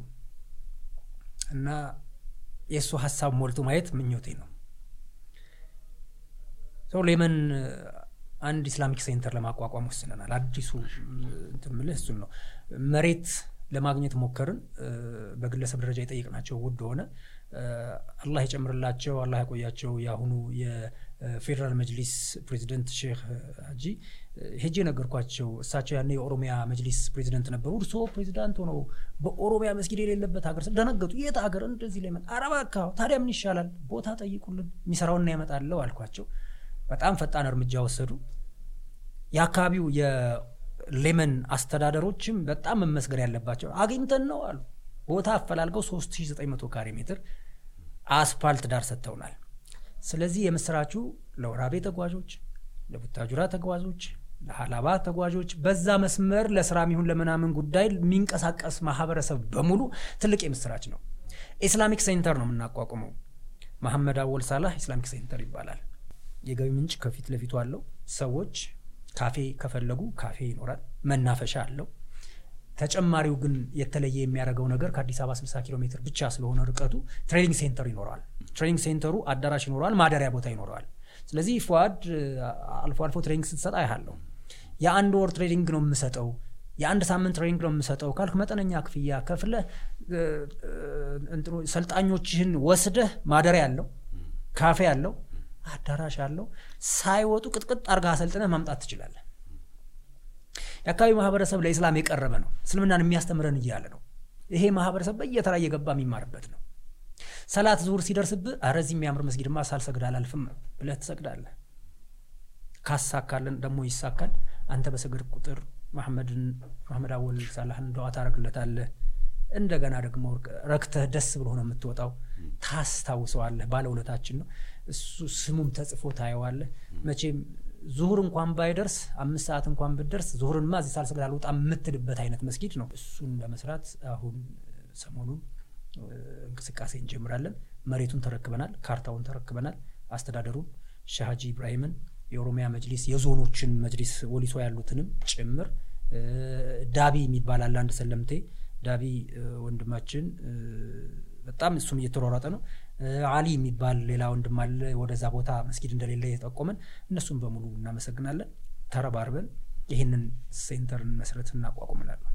በጣም ጥሩ ሀሳብ ነው። ዛሬ ሙሉ በሙሉ እንግዲህ ይህንን ሀሳብ እንድታሻግር ነው የፈለግኩት። በተለይ ኸይር ፈላጊ ይዞ የመጣው ነገር የተነሳበት ሀሳብ ዛሬ ላይ ፍሬውን አፍርቶ ይበልጥ እንዲገፋ ይበልጥ እንዲሰራበት የሚያደርግበት አይነት ደረጃ ላይ መሆኑ በራሱ ጥሩ ነገር ነው እና ሌሎች የሚሰሯቸው ስራዎች አሉ። ከተፈናቀሉ ወገኖች ጋር የተያያዙ ፕሮጀክቶች፣ የቲሞች ጋር የዕለት ደራሽ የሚባሉ እንቅስቃሴዎች እነኝን ፕሮጀክቶችን ሳንጠቅስ ማለፍ ስለማንችል አከታትለ ታነሳልኛለ ቀሪ የምትላቸው ፕሮጀክቶች ይህ እነዚህ የታወቁ ናቸው ብዬ ነው ብዙም እንትን ያላልኳቸው። በአብዛኛው እንግዲህ የዚህ የዕለት ደራሽ ማለት ወይ በተፈጥሮ ወይ በሰው ሰራሽ መልኩ የሚደርሱ አደጋዎች በሚኖሩ ጊዜ ቀድሞ የመድረስ ነገር አለ።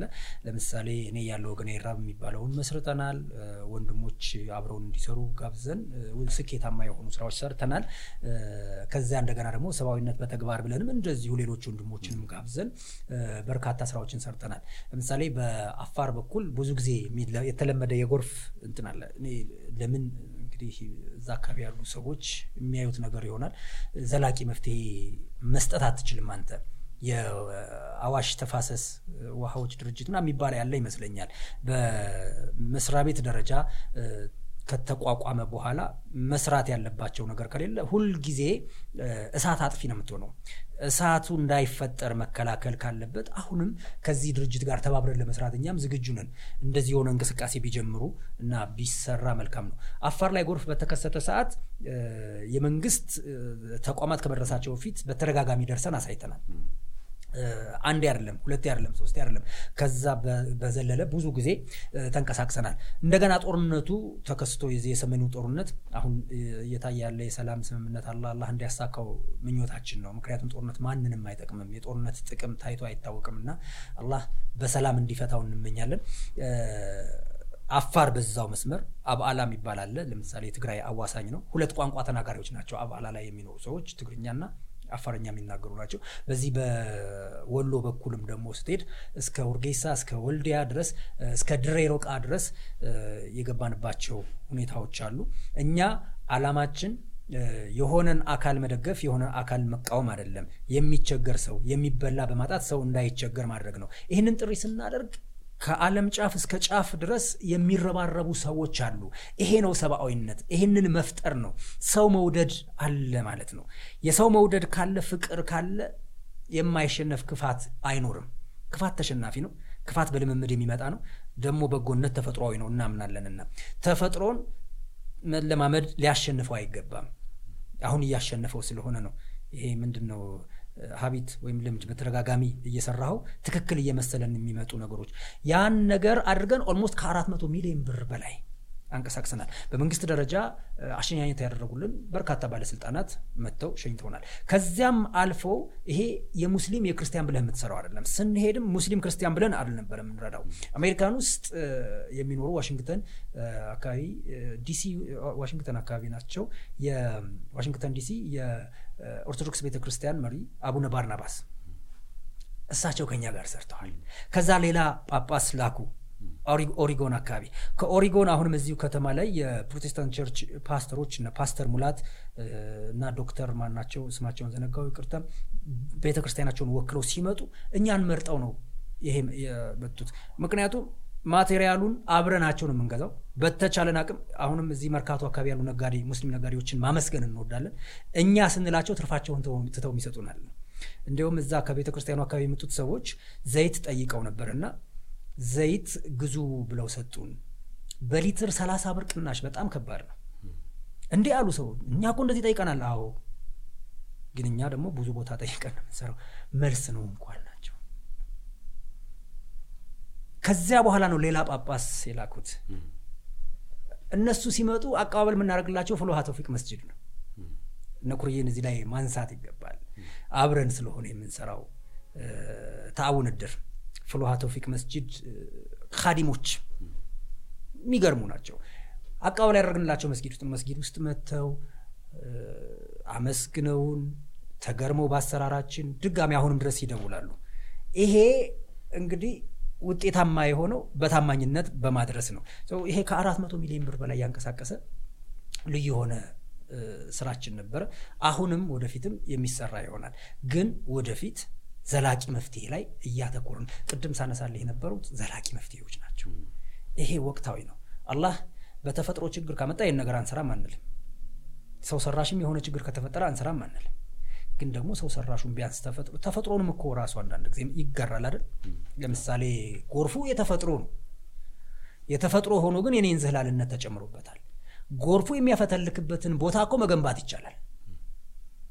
ጎርፉ የሚያፈተልክበትን ቦታ ለመገንባት 20 30 ሚሊዮን ብር ከሆነ የሚያስፈልገው ይውጣና ይሰራ።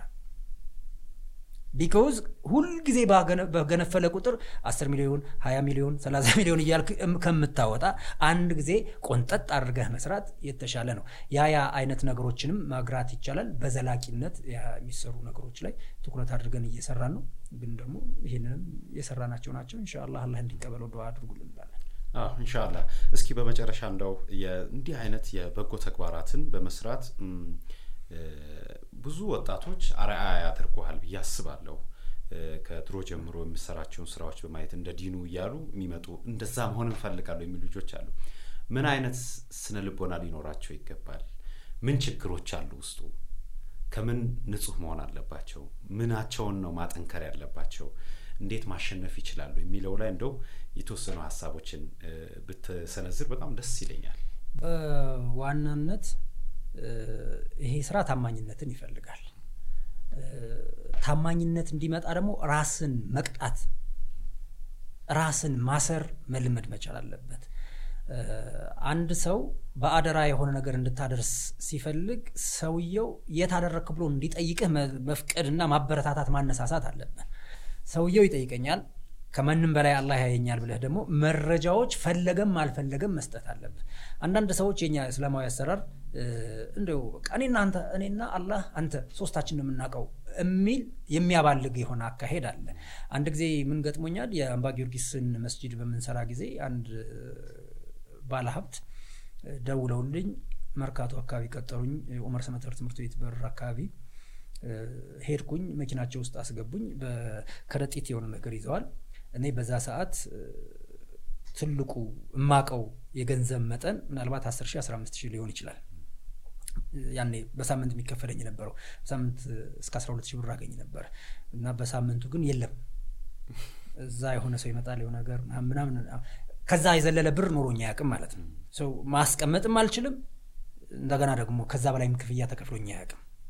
እኒህ ሰው እኔ አላህና አንተ በምናውቀው ትላንትና ላስተዋወቅከው መስጊድ ይህን አምስት መቶ ሺህ ብር ደነገጥኩ። የአምስት መቶ ሺህ ብር በጣም ከባድ ነው።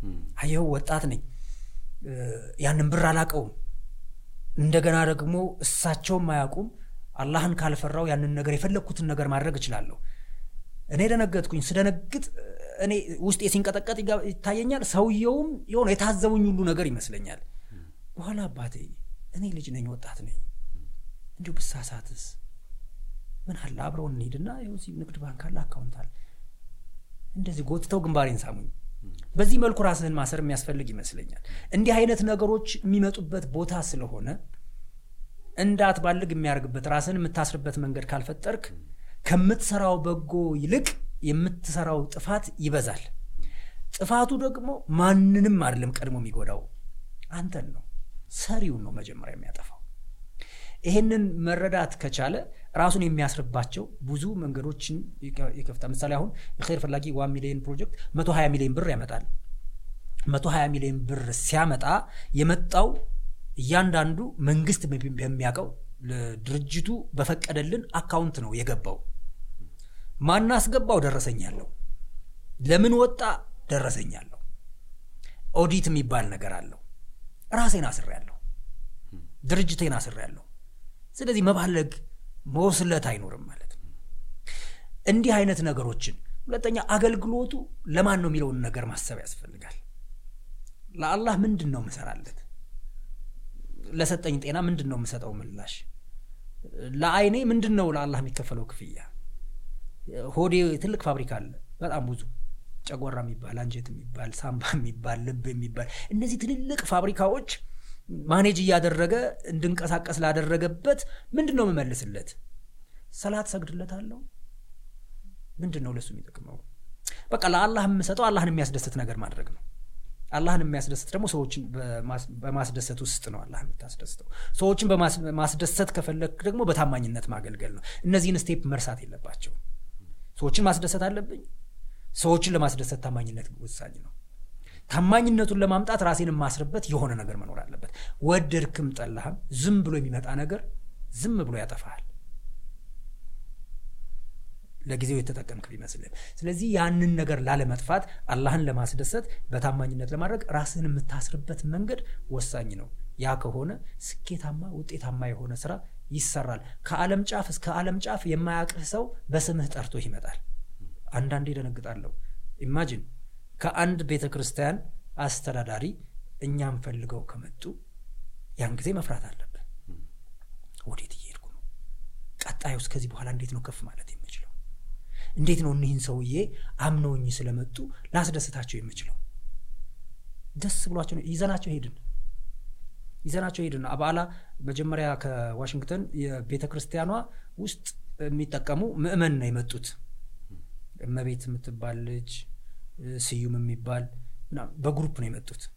አባላ ነው ይዘናቸው የሄድ ነው የእኛ አሰራር ምን አለው መሰለ ራሳችን ነው የምናከፋፍለው መጋዘን አናስገባም።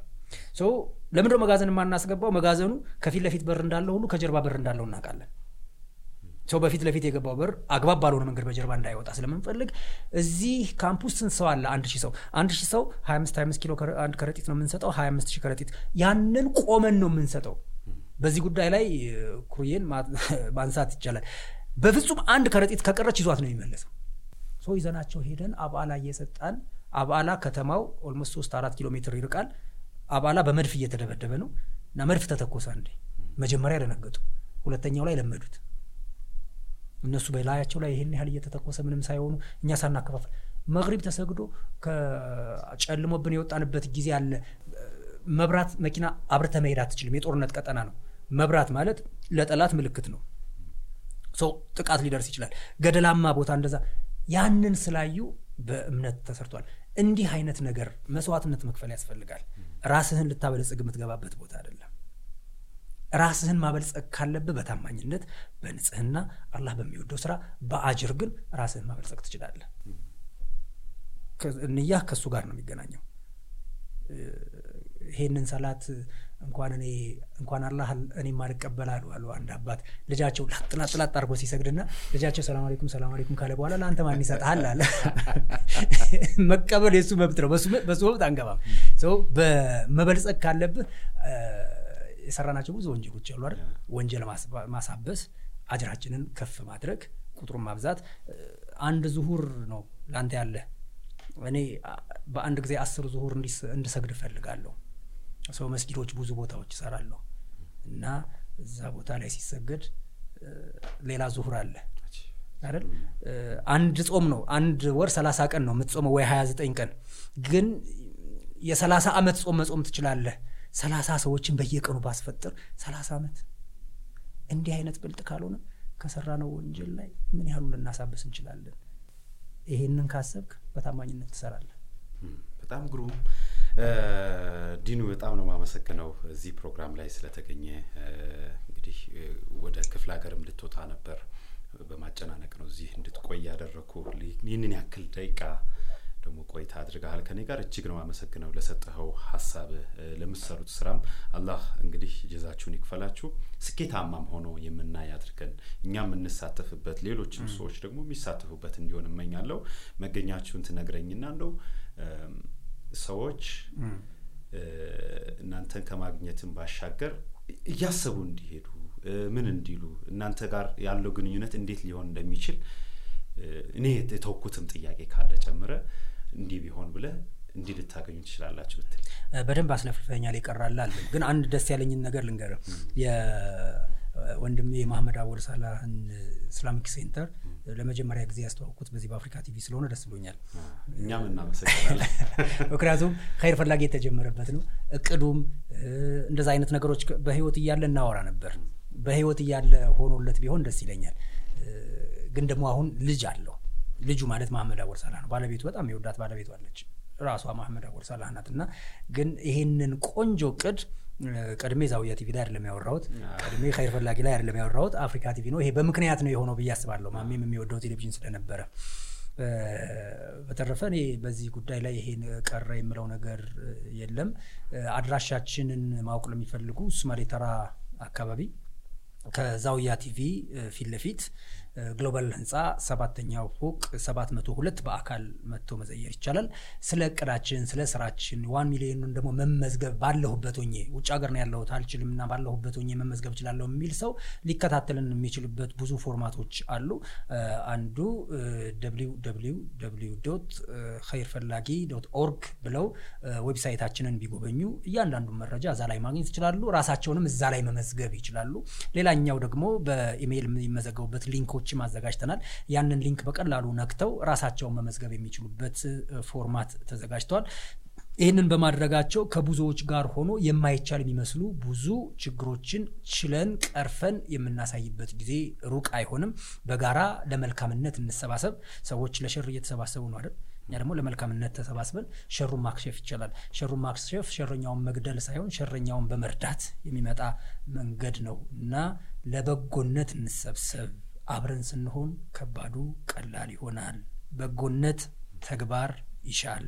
ተግባር የሌለው ስራ ውጤት አልባ ነው። ይሄ የኸይር ፈላጊ አቋም ነው። ስለተከታተላችሁን ታግሳችሁ ልፍለፋይን ስለሰማችሁ እጅግ አድርጌ አመሰግናለሁ። ያጠፋሁት ነገር ካለ አውፍ እንድትሉኝ ይመኛለሁ አመሰግናለሁ። እኛም እጅግ አድርገን ነው የምናመሰግነው። እንግዲህ ተመልካቾቻችን ከጋዜጠኛ ዲኖ አሊ ጋር ነው ቆይታ ዛሬ ያደርኩት በኸይር ስራዎቹ ጎን ለጎን ከሚሰራቸው ስራዎች አሁን ደግሞ በኸይር ፈላጊ የተሰሩ ያሉ ስራዎችን የማህበረሰቡን ነባራዊ ሁኔታ እያነሳ ነው ከኛ ጋር ቆይታ ያደረገው። እናንተም ውድ አድማጭ ተመልካቾቻችን የተከታተላችሁን ስለቆያችሁ ምስጋናችን ልባዊ ነው። አዲስ ጣዕም ፕሮግራማችን እዚህ ላይ ያበቃል። በቀጣይ ሳምንት ደግሞ ሌሎች እንግዶችን ሌሎች ሀሳቦችን ደግሞ ይዞ እዚህ ሜዳ ላይ ያንሸራሽራል። እስከዛ ሰላም ሁሉ ከእናንተ ጋር እንዲሆን ምኞቴ ነው። ፏድ ሙሂዲን ነኝ። ወሰላሙ አሌይኩም ወረህመቱላሂ ah.